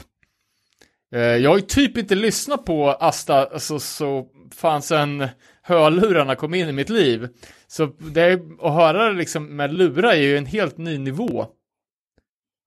Eh, uh, spe speciellt på basen, ligger så jävla fint där alltså. Uh, och sen är ju slående vad, vad jag tycker att det här är likt West Coast US Hardcore. Men det kanske är bara något jag har fått för mig. Nej, men jag håller med. Det, det är jättemycket så från den, eh, vad ska man säga, eran, eh, ja men typ slutet 80-tals eh, eh, eh California Hardcore liksom. Tycker jag är skitlikt och speciellt den låten eh, för kung och fosterland tycker jag verkligen har det här California-svänget-stuket liksom. Och det är, ja, det är, det är coolt. Jag, man undrar ju liksom. Finns det några... Finns det någon anledning av att det, att det är så likt liksom? Och för kung och fosterland kan vi bara förtydliga att det här är ju en luris. De har ju tagit eh, titta på en gammal skiva och har som låt på den här. Uh, nej, men det är överlag jävligt bra. Ja, det är absolut en av deras bästa plattor. Definitivt. Eh, jag tänker att vi kan göra en liten snygg inklippning här av en amerikansk låt mot en, eh, en Asta-låt här för att illustrera. Eh, och vid det här laget så turnerar ju Asta satan och lirar 100 gigs det här året 1984 och var då det största punkbandet i Sverige. Det kanske var på grund av att de forna hjältarna, till exempel Ebba Grön, hade väl lämnat in handduken vid det här laget. Uh, men vintern, höstvintern 84-85 så går de in i studion. Det är ganska kul. Bandet som är så extremt antikrigs i sin retorik och sina omslag går nu in i en studio på flygflottiljen F6 i Karlsborg. uh, och spelar då in uh, tolvan med is i magen. Uh, och det här är den som jag har lyssnat extremt, extremt mycket på. Ja, och där återkommer ju, jag vet inte om det är konsekvent genom eh, hela Astas eh, karriär när de släpper en LP. Det är väl, men på både den föregående sjuan som vi snackade om och även på den här då så är det ju en, en liksom namngedd A och B-sida. Okej, det kommer jag inte ihåg. Men det, det heter inte jo. A och B alltså? Nej, just det. Det stämmer Robin. Det heter på, på sjuan, på plikten sjuan heter Sida fred och Sida krig. och här heter den höger, höger vänster står det på den här. Mm. Men jag vet inte om de gör det några fler gånger i deras karriärer, men det är ju ett coolt grepp liksom. Ja, måste vi jag vet om, om, bara kartlägga. Okej. Okay. Jag får bara ta den också. Eh, på sista sjuan så heter A-sidan då heter klapp, sidan klapperträ och B-sidan heter sidan flugsmälla. Där kommer liksom det här... Eh, det, det förhatliga plojpunken in igen. Ja, precis. Ja, men kul. Eh, Och det här är ju första omslaget nu med bandfoto. Och det är den här bilden man har, som har etsat sig fast på näthinnan när man ser, ja men, Bonnies hårsprayshår och Björres jävla helikopterplatta tuppkam. Och sen också att de står, Ja, det är ett... eh, de står i snö. Ja, Ser rätt coola ut. det är ett legendariskt foto. Är det. det är helt, alltså jag tycker det är helt eh, lysande. Och första Lastkaj 14-skivan är ju en, eh, en pastisch eller en hyllning på, på denna. Jag vet inte om ni har tänkt sett den. Jo, jo, vi lyssnar Men den är ju Last rakt Guy. av. Det gör vi. Eller hur, Ja, det är bra. Robin? Bra Robin.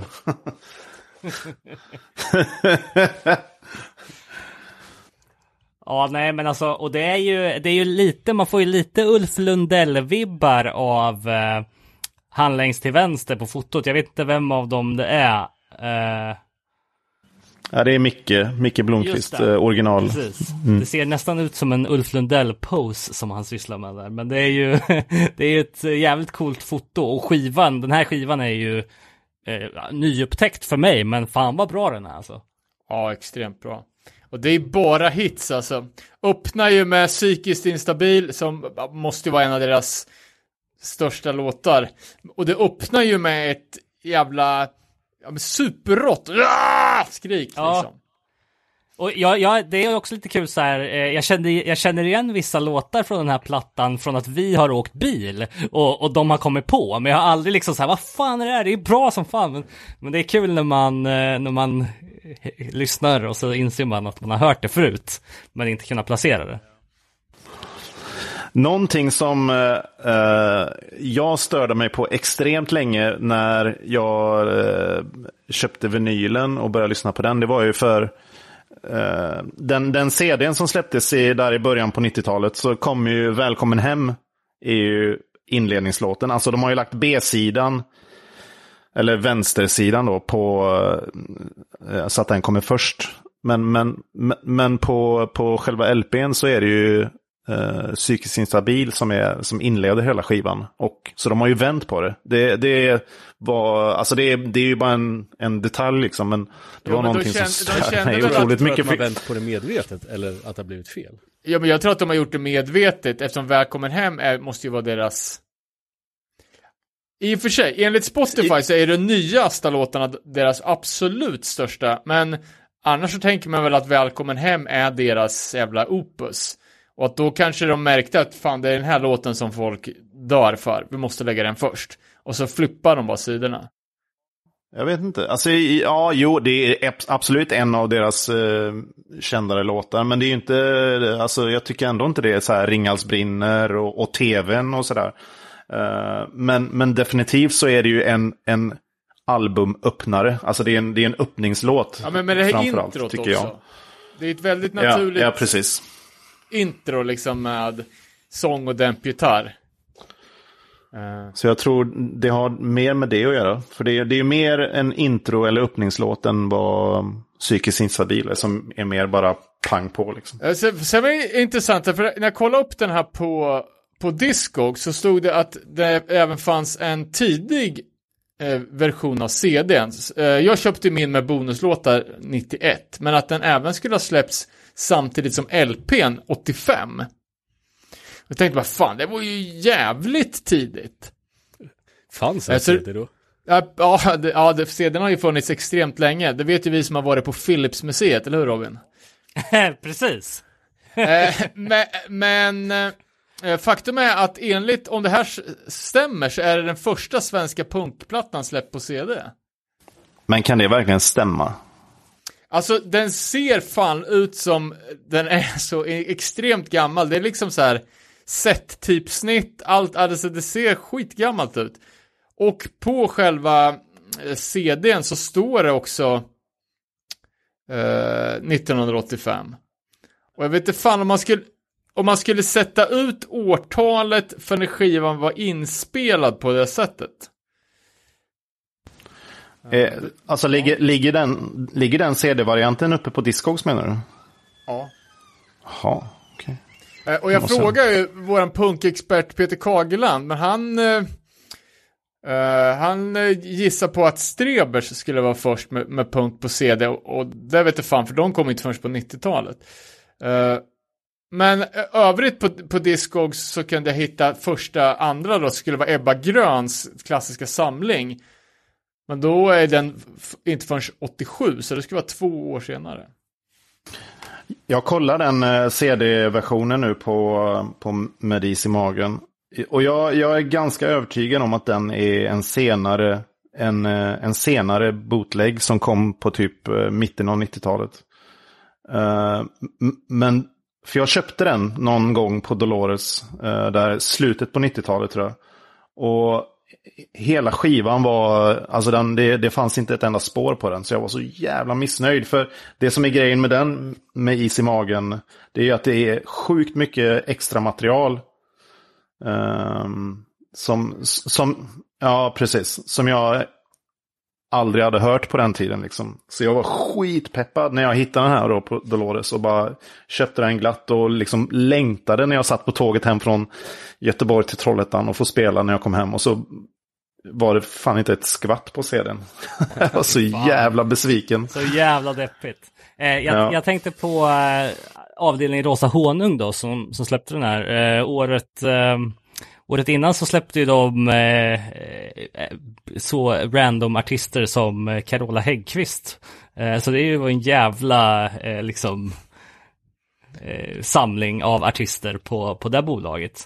Eh, Det var ju inte Carola solo, men det var ju fortfarande något ruttet ungdomsband som hon var med i. Ja, exakt. Så det är liksom, man kollar på deras eh, eh, releaser på Discogs, liksom. det är Asta, det är Carola, det är The Krigshjälters, det är liksom tredje könet.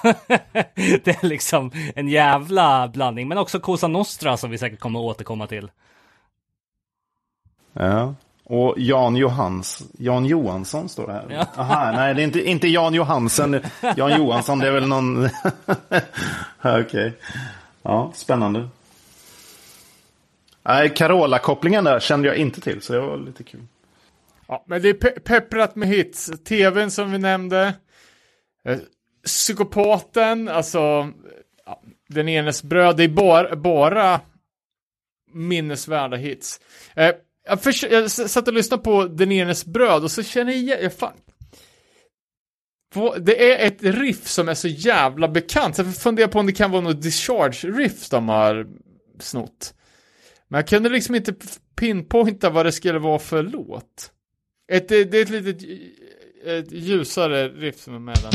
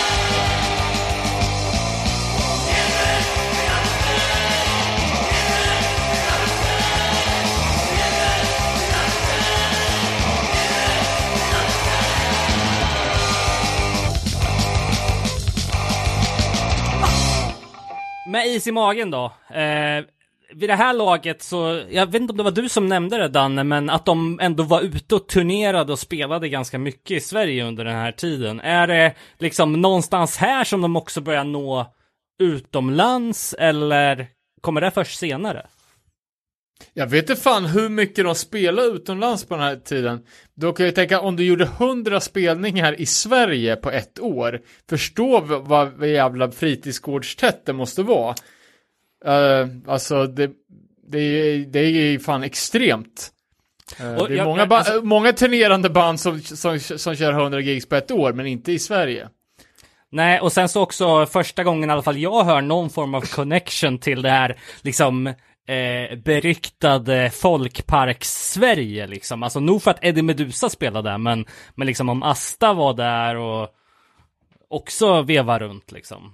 Eh, för det känns som att det var där scenerna var förr. Liksom. Ja, eh, men jag tror, jag tror att den här folkparkssvängen var redan från början när punk var en liten fluga och hype. Och att de hade fått eh, liksom folkparksturné-erbjudandet.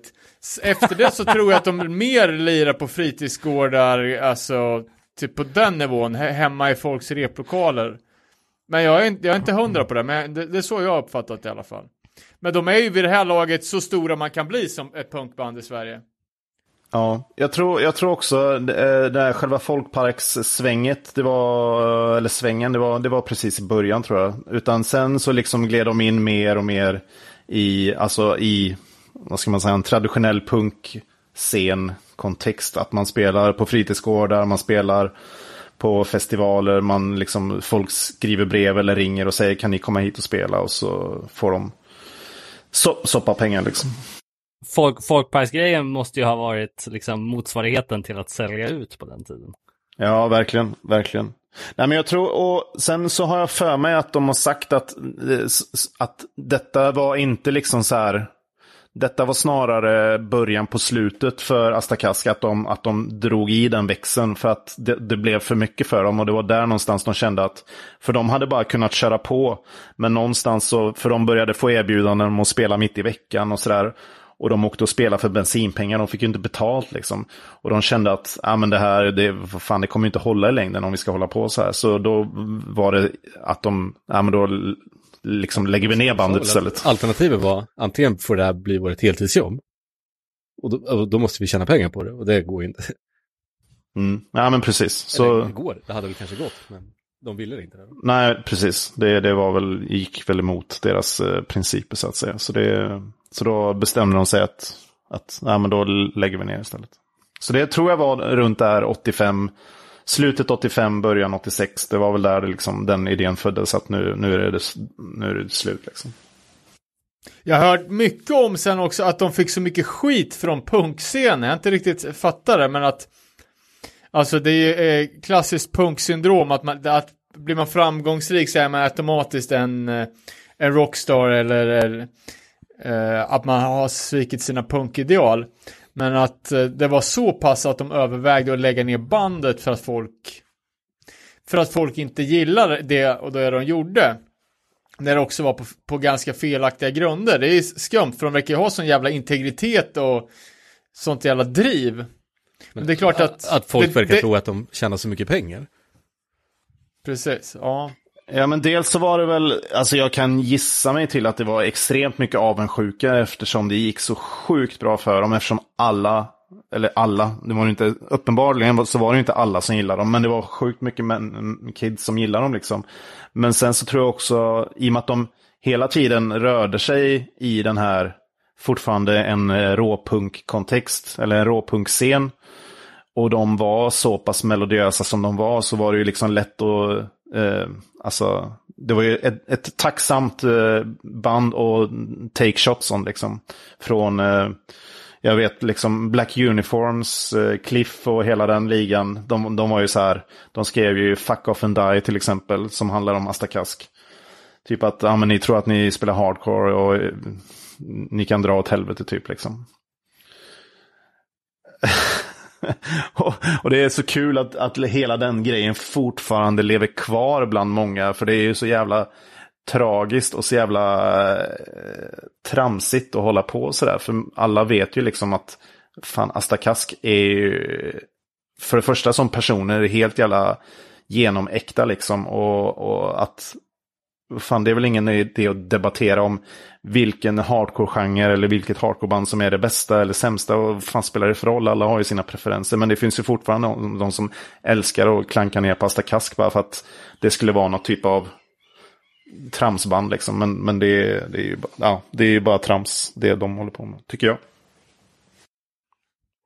Helt klart. Men, lite skumt resonemang här tycker jag, för att bandet börjar prata om att bara, ah, nej men de jävlarna, de ska få som de vill. Om de tycker att vi är rockstars och sellouts, då ska, då ska vi fan göra en skiva som de bara, åh, de ska få liksom. Och det där är så jävla konstigt resonemang, för det är liksom som när Tradskins och ah, alla tror att jag är nazist, då ska jag fan ta och bli nazist också. Det finns ju liksom in, ingen jävla logik i att sänka sig till en annans nivå för att bevisa att de som har fel hade rätt. nej, Super, men- Superkonstigt.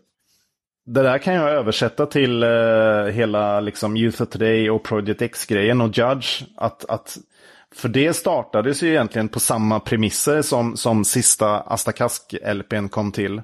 Eh, att eh, det var så mycket snack om att eh, Youth of Trey eh, hatade alla som var straight edge. Eller han hatade de som inte var straight edge. Och, och liksom att de var bara elitister och, och bla bla bla. Och då var ju Mike Judge då, nu, nu jävlar ska de få, nu ska de få på riktigt liksom. Och utifrån det så, så blev det Project X och Judge liksom. Och, och jag tänker att det här är egentligen lite samma grej.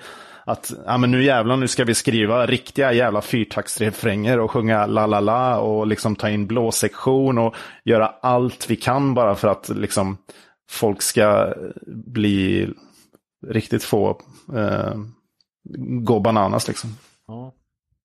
Eh, och innan LPn släppte de ju en sjua som eh, eh,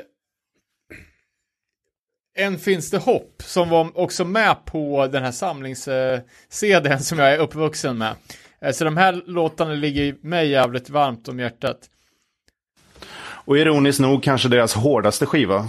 Eh, deras mest eh, liksom hardcore-skiva tycker jag. För där är det ju verkligen, när de skruvat upp tempot ännu ett snäpp och, och gör verkligen de här hårda riffen. Eh, tar det lite tillbaka till eh, eh, en tyst minut-ångesten liksom Ja. på något sätt. Ja, det är ganska Men de- ruff sång också faktiskt.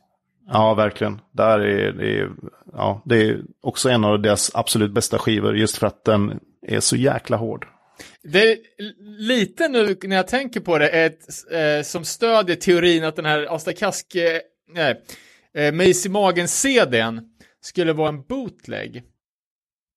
För en bild som finns med på det konvolutet är hoppfotot. Fast med någons huvud avrivet också. Okej, ja det missade jag, men det... Eh, och då är det en senare eller det är ju, ja, det är hugget som stucket med åren, men eh, Ja, ja. Eh, För det pratades Ja, också det- om, om att om att Ernie var på väg ut ur bandet på grund av flytt och att ja, de hade gett varandra ett, ett löfte om att de skulle hålla ihop och vara ett band och sluta någon så lägger vi ner. Jag tycker att, att den här plattan då som kom, aldrig en LP eh, namnet var ju då eh, Nå- någonting som, alltså, så jag, jag har inte heller riktigt har fattat att det var så jävla tabu att släppa en LP-skiva. Eh, och det var ju någonting som de hade förnekat under hela sin karriär, att vi kommer aldrig göra någon jävla LP. Eh, och nu då för att, för att skriva alla på näsan så skulle de göra en LP och den skulle heta aldrig en LP. Eh, och det är ju en satans massa låtar på den här, jag tror det är 19 tracks. Eh, och det är ju jävla blandad, alltså jag skulle, om jag inte visste bättre, skulle jag tro att det här var en samlingsplatta, för det är så sjukt olika stuk, stuk på låtarna. Från, alltså, ja, det är väldigt konstigt, alltså, Johnny Boy som är sån här jävla konstig cowboylåt. och sen har vi liksom eh, fram och bak som är någon sorts, jag vet inte fan, motsvarighet till eh, en slemmig torsk kanske. Eh, superfjantig låt. Fan, den satte mig också i klistret, eller jag varit lite utskämd. Eh, när jag jag vet inte fan, jag, ha, jag hade, hade aldrig den här på CD, men jag hade den på något kopierat band och hade i, i Walkmanen. Eh, och så kommer en av de coola killarna på skolan, Daniel Wiman, så, eh, som man såg upp till liksom. Och så kom han fram och bara, vad lyssnar du på? Och precis när så var det den här låten och batterierna höll på att dö. Så när han, när han tog mina lurar och lyssnade så fick han höra liksom eh, eh, ja, likadan både fram och bak på halvfart. Han måste ha tyckt att jag var totalt, att jag lyssnade på någon sorts barnmusik liksom. Suger. Eh, men från att, ja men gud. liksom, Ja, men vissa låtar är, ju fan är stenhård hardcore och sen är det allt däremellan alltså. Superskrum platta överlag. Ja, men, men faktiskt så är det ju, eh, kan man säga, nästan lite utav en samlingsplatta. För de har ju använt sig av väldigt mycket äldre låtar. Som Landsplikt, eh, de har Ringhals brinner, de har Aktiv ungdom som är en väldigt tidig eh, låt. Inget ljus och Ångest igen då. SKS, har, så det- har den funnits förut? Ja, den finns också i en gammal eh, demoversion. Eller den jag tror den är med på någon typ så här tidig Really Fast. Really Fast 1 eller 2 är den med på tror jag. Right. Därför jag kände, kände igen eh, att jag hört den i en annan tappning. För på skivan här så är det ju någon sorts reggae, blues, eh, superskön variant. Ja, och det var den första SKS som jag hörde. Och jag tyckte ju, vad fan är det här? Jag tyckte det var så jävla uselt. Eh, den påminner lite om någon så här KSMB reggae-låt som de gjorde. Som, som är med på någon, eh, den är väl med på första LPn? KSMB-LPn. Ja, Eller? kanske. Nej, jag tror inte det är den. Jag tror inte det är den. Men ah, skitsamma. Men det var första SKS-versionen jag hörde. Jag tyckte det var så jävla ruttet. Och sen blev jag, när jag fick höra den riktiga versionen då, som är liksom eh, låter mer som första Stakask-singeln eh, med så här lite halvsnabb tvåtakt. Låter, alltså den är svinbra liksom. Men eh, Aktiv ungdom-låten då som nämndes, där har jag också en lite, en nästan rolig anekdot. Eh, det fanns ju en, eh, det var ett paraplyorganisation för föreningar som hette Aktiv ungdom. Eh, där jag satt i den eh, ja, förbundsstyrelsen då, som var styrelse för hela landet. Eh, och hade på den tiden 30 000 medlemmar, så det var ganska ganska stor organisation och jag halkade dit då för att jag håller på att organisera upp skateboardåkare och har en skateförening.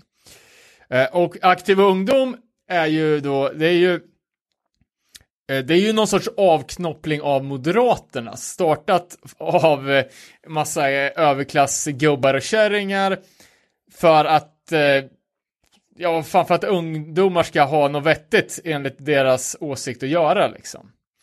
Eh, Och den här låten är ju en solklar diss mot aktiv ungdom liksom och ja men hela det liksom att kontrollera ungdomen och bestämma vad som är bra och vad som är ett okej fritidsintresse liksom. Eh, Men då hade vi då det stora förbundsmötet och vi som satt i den här styrelsen då skulle ju ha en aktivitet. Eh, Så då la jag som förslag att vi skulle spela in en cover på, på den här låten. Eh, och Aktiva Ungdom, det var ju så, ja, det var en stor organisation så de hade en musikstudio och de hade gett ut eh, vinylskivor också med så här, typ, ja men typ, typ, massa jävla skit liksom. Eh, och så det här tog sig upp till så seriöst övervägande, det var på, på väg att förbundsstyrelsen skulle sj- sjunga in den här, den här låten tillsammans med studiomusiker. Det hade ju varit extremt mäktigt om det hade blivit av. Ja, det hade varit coolt. Men äh, det var kul att du berättade den eh, kopplingen. För nu förstår jag den låten bättre. Um, och och eh, SKS som vi, som vi nämnde innan, det är också en ganska missförstådd, eh, eller också, det är kanske bara jag som inte har fattat kopplingen med aktiv ungdom. Men SKS är ju en av Asta Kask mer missförstådda låtar som jag har förstått det. Den heter ju Svenssons klagosång. Och den är ju skriven utifrån två olika perspektiv. Varav versen har ett perspektiv Och refrängen har ett annat perspektiv. Och, och det är så jävla förvirrande om man liksom inte är, liksom fått, fått det förklarat Precis, för en. och det är då re refrängen, jag vill inte vara med och betala någon skatt för det. Yes. Ja, men det är li li li lite högt och lågt på den här, på den här plattan. Eh, Jag har typ aldrig uppfattat det som ett skämt innan. ja, nej, inte jag, inte jag heller, verkligen inte. Uh, jag tycker att den är inte lika bra som skivan innan, men absolut ingenting att det skulle vara någon liksom medveten överproduktion eller tänk bara ett naturligt steg om man vill vad fan ska vara 19 låtar, klart det måste vara lite variation. Det kan ju också vara liksom en liten ja, förskönande efterhandskonstruktion och säga bara, ja men vi, vi försökte inte ens göra det bättre. Det, det, vi gjorde Allt är ironiskt, har ni inte förstått det? Exakt. Jag tycker inte att det är något att skämmas på. Eh, förutom då eh, vissa eh, uppenbara snedsteg. Eh, men den här Johnny Boy Cowboy-låten, jag fattar inte, för det har ju också, liksom Strebers hade ju sitt cowboysarband, eh, Katta 77 gjorde ju den här eh, spagettivästen, jag fattar inte, det måste ju ha varit någon jävla hype på cowboys i svensk, eller på Burners-kontoret liksom, total jävla cowboyhatt. Ja, och sen finns ju Johnny Kask finns ju också. Eh, som ju är Asta Kask-medlemmar som kör Johnny Cash Okej. covers. Och, och jag tror till och med de har ju gjort den här grejen med att spela in på fängelse och, och, och, och den.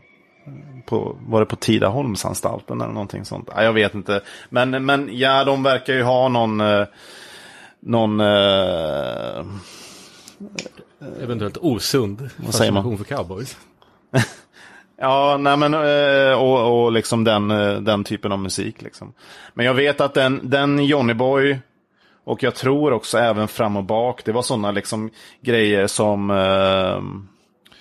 Eh, Bonnie satt och spelade in eh, hemma själv när han liksom hade tråkigt. Han, hade någon fyrkanalsporta som han eh, satt och tramsade med liksom. Och det var det, de grejerna föddes på på där i den liksom, och så följde de väl med på LPn för att de tyckte det var lite skoj. Jag vet faktiskt inte varför de gjorde de låtarna. Men för jag tycker ju att, att Aldrig en LP är en svinbra platta överlag. Men, men eh, sen finns det ju lite element sådär som är, ja, vad ska man säga?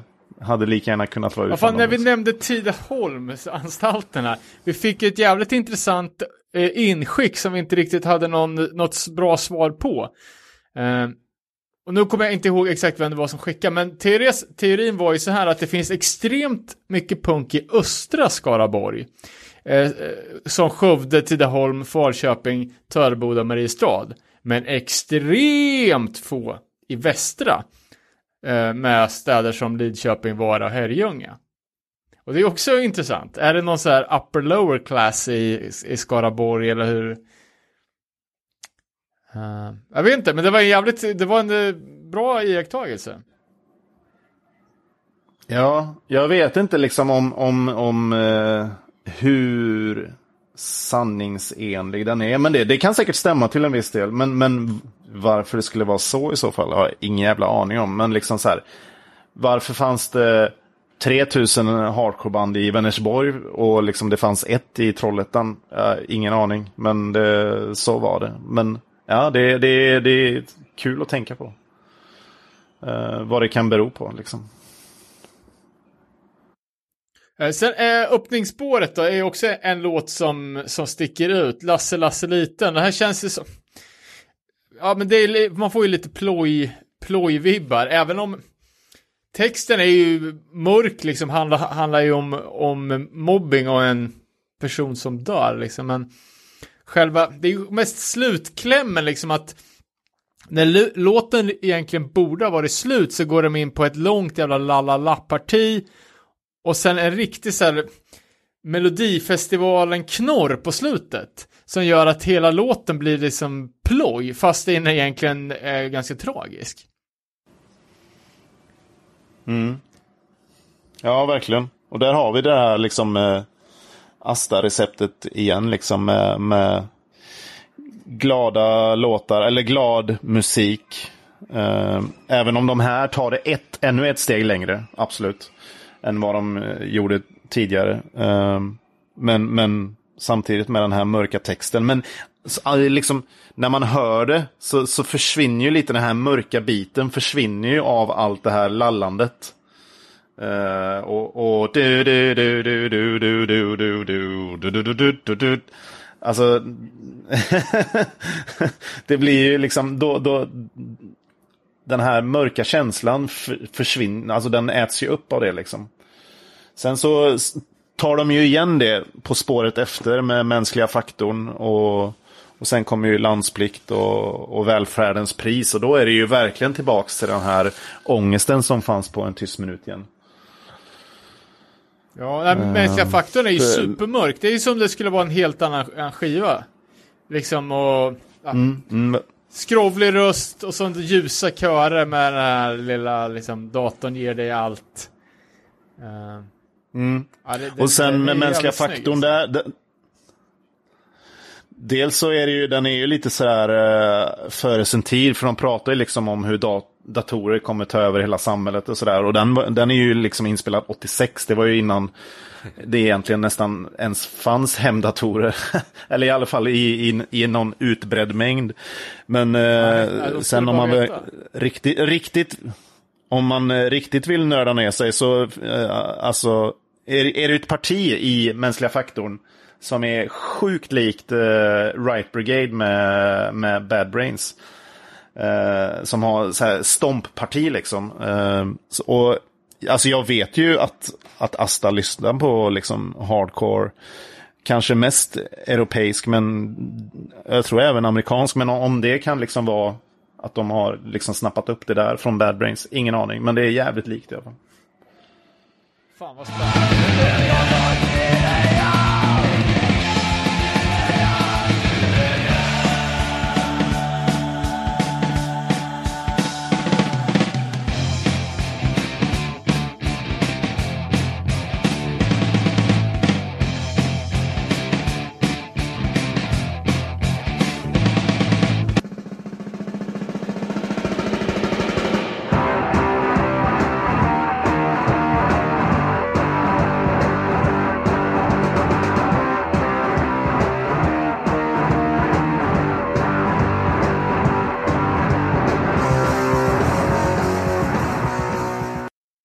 Annan låt värd att nämna är ju aktiebolaget Böna och B. Det är en jävla superhit.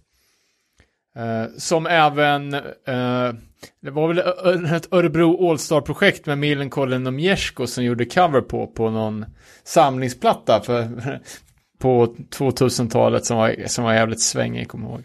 Men om vi ska ta tillbaka till, till, till Örebro, jag läste om att ett Örebro-gig och debaclet i Örebro var liksom det som gjorde att bägaren rann över. Ganska intressant. Uh, först uh, att det var en lokal feministgrupp med plakat i, i publiken som hade, uppfatt, uh, som hade missuppfattat någon antikrigsposter. Eh, jag antar att det var någon lättklädd med krigshjälm som, som var på den affischen. Ja, det var en väldigt explicit eh, halvnaken eh, dam som satt i liksom militärhjälm och patronbälte. Men och så tuttarna liksom ute och, och de hade ju, och så stod det eh, eh Make Love Not War stod det på. Eh, och så Astakask, eh, Tor, bla bla bla. Eh, min, eh, min fru som har studerat kvinnovetenskap här i Örebro med lite äldre feminister. Jag bara försökte be henne eh, kolla med sina, sina eh, äldre feministpolare om det var någon som hade varit med där. Men eh, det, hon hittade ingen, det var ju synd. Men sen så läste jag också att det här var gången när de fick bo på hotell för första och sista gången. Eh, och att de hade trashat hotellrummet och fått en böteslapp på 5000 spänn. Eh, och jag tänkte bara, ah, 5000 spänn på den här tiden, det måste ju ha varit, ja, kan vara månadslön, kan det vara 100 000? Så jag bara gick in och kollade på en sån här eh, kalkylator, man kunde se hur mycket det var. Ja, då var det 11 000, så det var ju typ ingen skillnad. jag trodde att det skulle vara liksom en, en miljon. Eh, och efter det här giget och, eh, ja, inte fan, i allmänna besvikelsen av att folk folk dissar dem. Eh, en dyr hotellräkning så sa Ernie adjö och flyttade tillbaka till, eller flyttade tillbaka, han flyttade till Stockholm. Eh, och de andra gjorde ett tappert försök att spela som tre ett, ett kort tag innan de la ner bandet. Och Micke började med Strebers och eh, eh, två andra gjorde väl eh, Rolands Gosskör som även splittade, eller hade någon split-release med Asta Kask där ganska kort efter. Ja, de gjorde ju en återförening 89, det var första återföreningen. Och då spelade de ju några spelningar på Vita huset i Täby. Eh, tillsammans med Just det, Roland det. Och det blev en split. Split live det, LP, ja. det. Precis. Och den eh, har man ju lyssnat sönder på Asta-sidan och aldrig någonsin eh, vänt över till Roland-sidan. Det är fan sant. Ja, jag, fan, jag, har inte, jag hade hört Men det var... Det var Ernie som spelade med några i Roland Skosskör där. Som, eh, de hade något band som heter Nine. Men det, alltså tyska Nine. Uh, uh, men det är någon, jag har aldrig hört det tror jag. Ens. Och jag tror inte, jag vet inte om det är värt att kolla upp egentligen. Men... Eh, Sen gjorde de ju ett par till eh, reunion gigs eh, innan de liksom kom tillbaka nu på var det med i och med Burning Heart-signingen som de började på nytt? Eh, Ja, alltså, nej, det var väl snarare så att Burning Heart-signingen kom till av att Ja, de började men jag igen. menar om För det de- var i den vevan de- eller om det var långt till. Ja, ja, absolut, absolut. Det var väl, alltså jag tror det hela startade med, de, de hade ju någonting, eh, det hände ju, de hade en punkfestival i Göteborg eh, 2003 som hette eh, Svensk Punk 25 år. Och där blev Asta Kask tillfrågade att vara med och det var väl där de liksom så här sa ja. Och, och sen så blev det väl ganska snabbt, för jag vet redan, för jag var på det gigget på, på den festivalen. Och redan där var det liksom beslutat om att de skulle fortsätta turnera under hösten. Sen vet jag inte om de hade... Då hade de nog bara tänkt att göra en höstturné liksom och, och sen låta det vara. Men sen så har det ju fortsatt sen dess liksom. Ja, för- Förut, de gjorde ju ett par eh, alltså enstaka reunion gigs. Men de hade ju också tackat nej till riktigt stora erbjudanden. Eh, till exempel som att åka med Ramones och Iggy Pop på deras gemensamma Skandinavien-turné.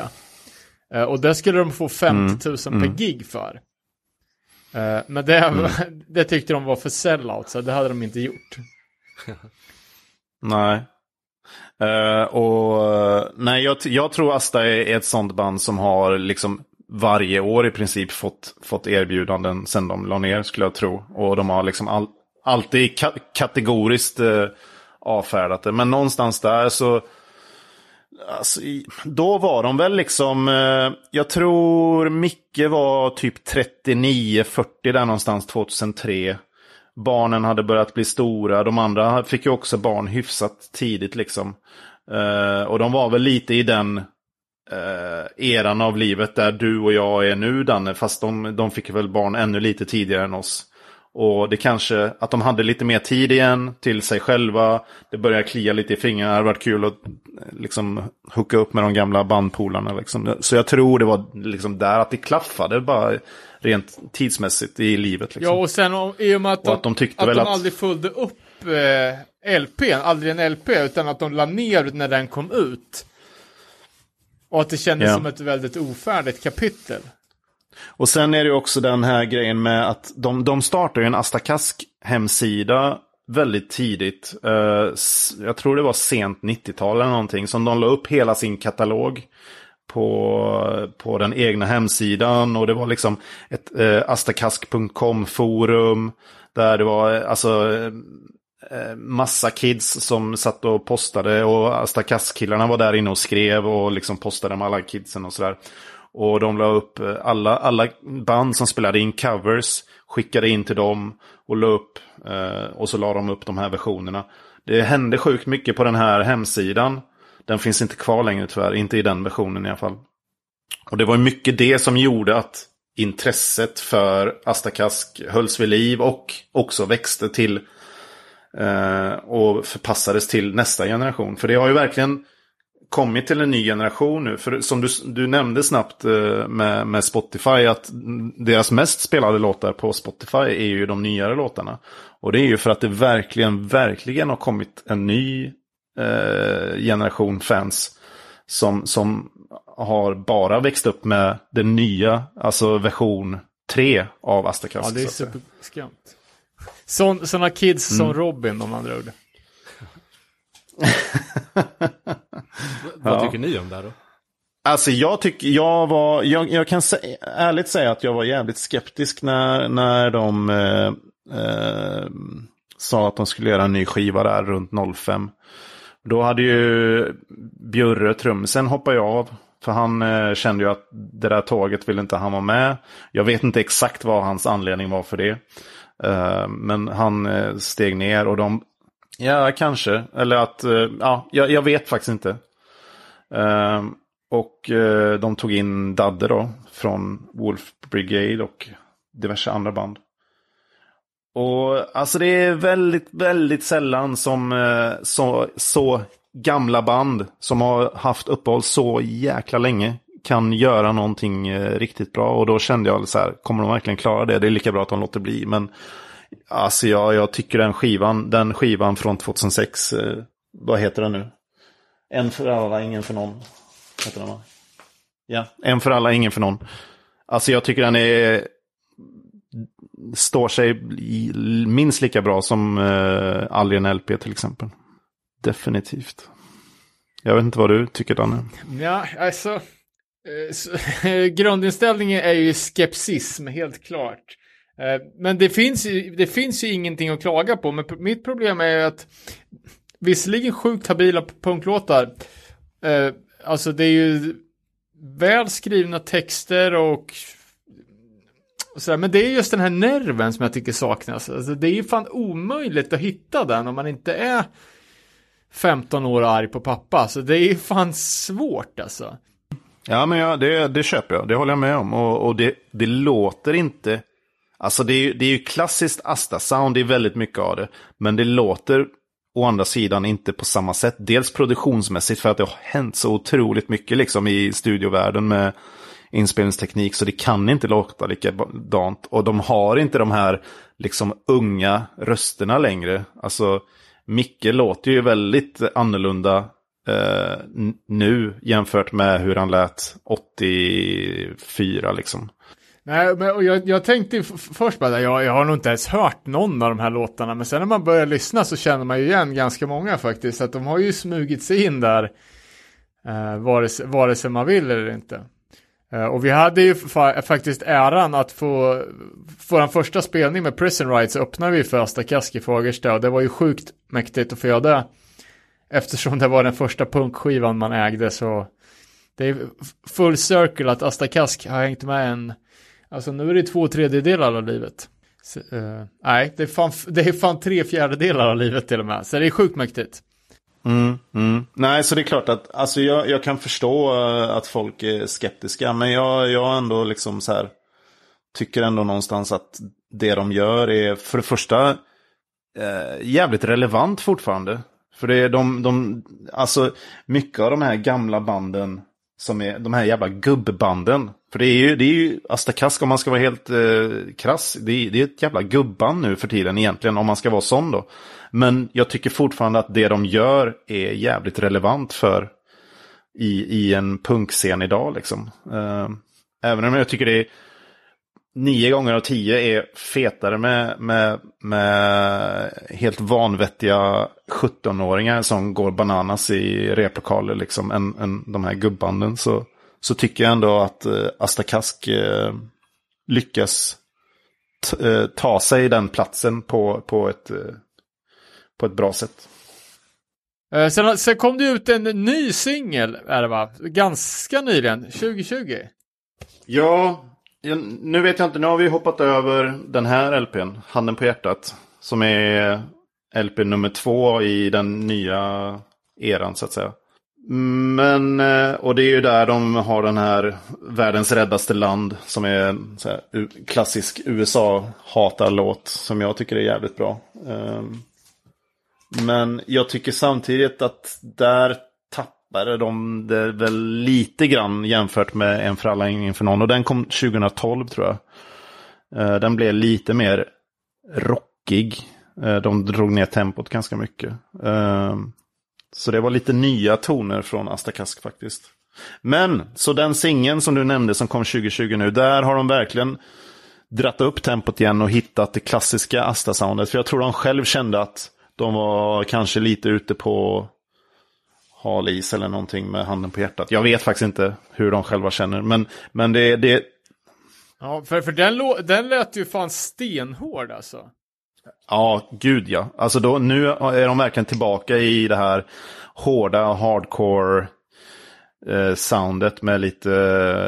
Eh, alltså det är mer, det är mer som, eh, vad heter den, Än finns det hopp sjuan tycker jag nu. Med liksom det här verkligen hårda hardcoren med, med vissa tralliga refränger.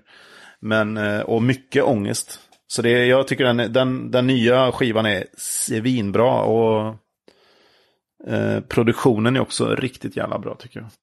Och de har ju sagt att detta ska vara en, eh, innan pandemin, precis när den kom så hörde jag en intervju, en poddintervju med Bonnie, där han sa att detta är någon typ av försmak på ett kommande album. Så det, får se, det har väl stannat upp lite nu med, med pandemin som för alla andra. Men eh, förhoppningsvis så kommer det ju något riktigt coolt snart. Ja, men vad fan med de orden då så tycker jag att vi rundar dagens inspelning. Eh, sjukt kul att ha, ha dig med Marcus och tack för allt du gör för svensk hardcore. Och, och punk. Ja. ja, tack för att jag får vara med. Det, alltså jag tycker bara det här är skitkul. Jag är bara glad. Jag är bara glad. Ja, kul är det. Och vi skickar också eh, tusen kramar och kärlek till Robin som var tvungen att avbryta här tidigare. Eh, vi, eh, ni vet vart vi finns och allt det där. Vi sadlar om och är snart tillbaka med ett nytt projekt. Eh, vad vi ska prata om den gången, det återstår att se. Men tack för allt så hörs vi igen snart.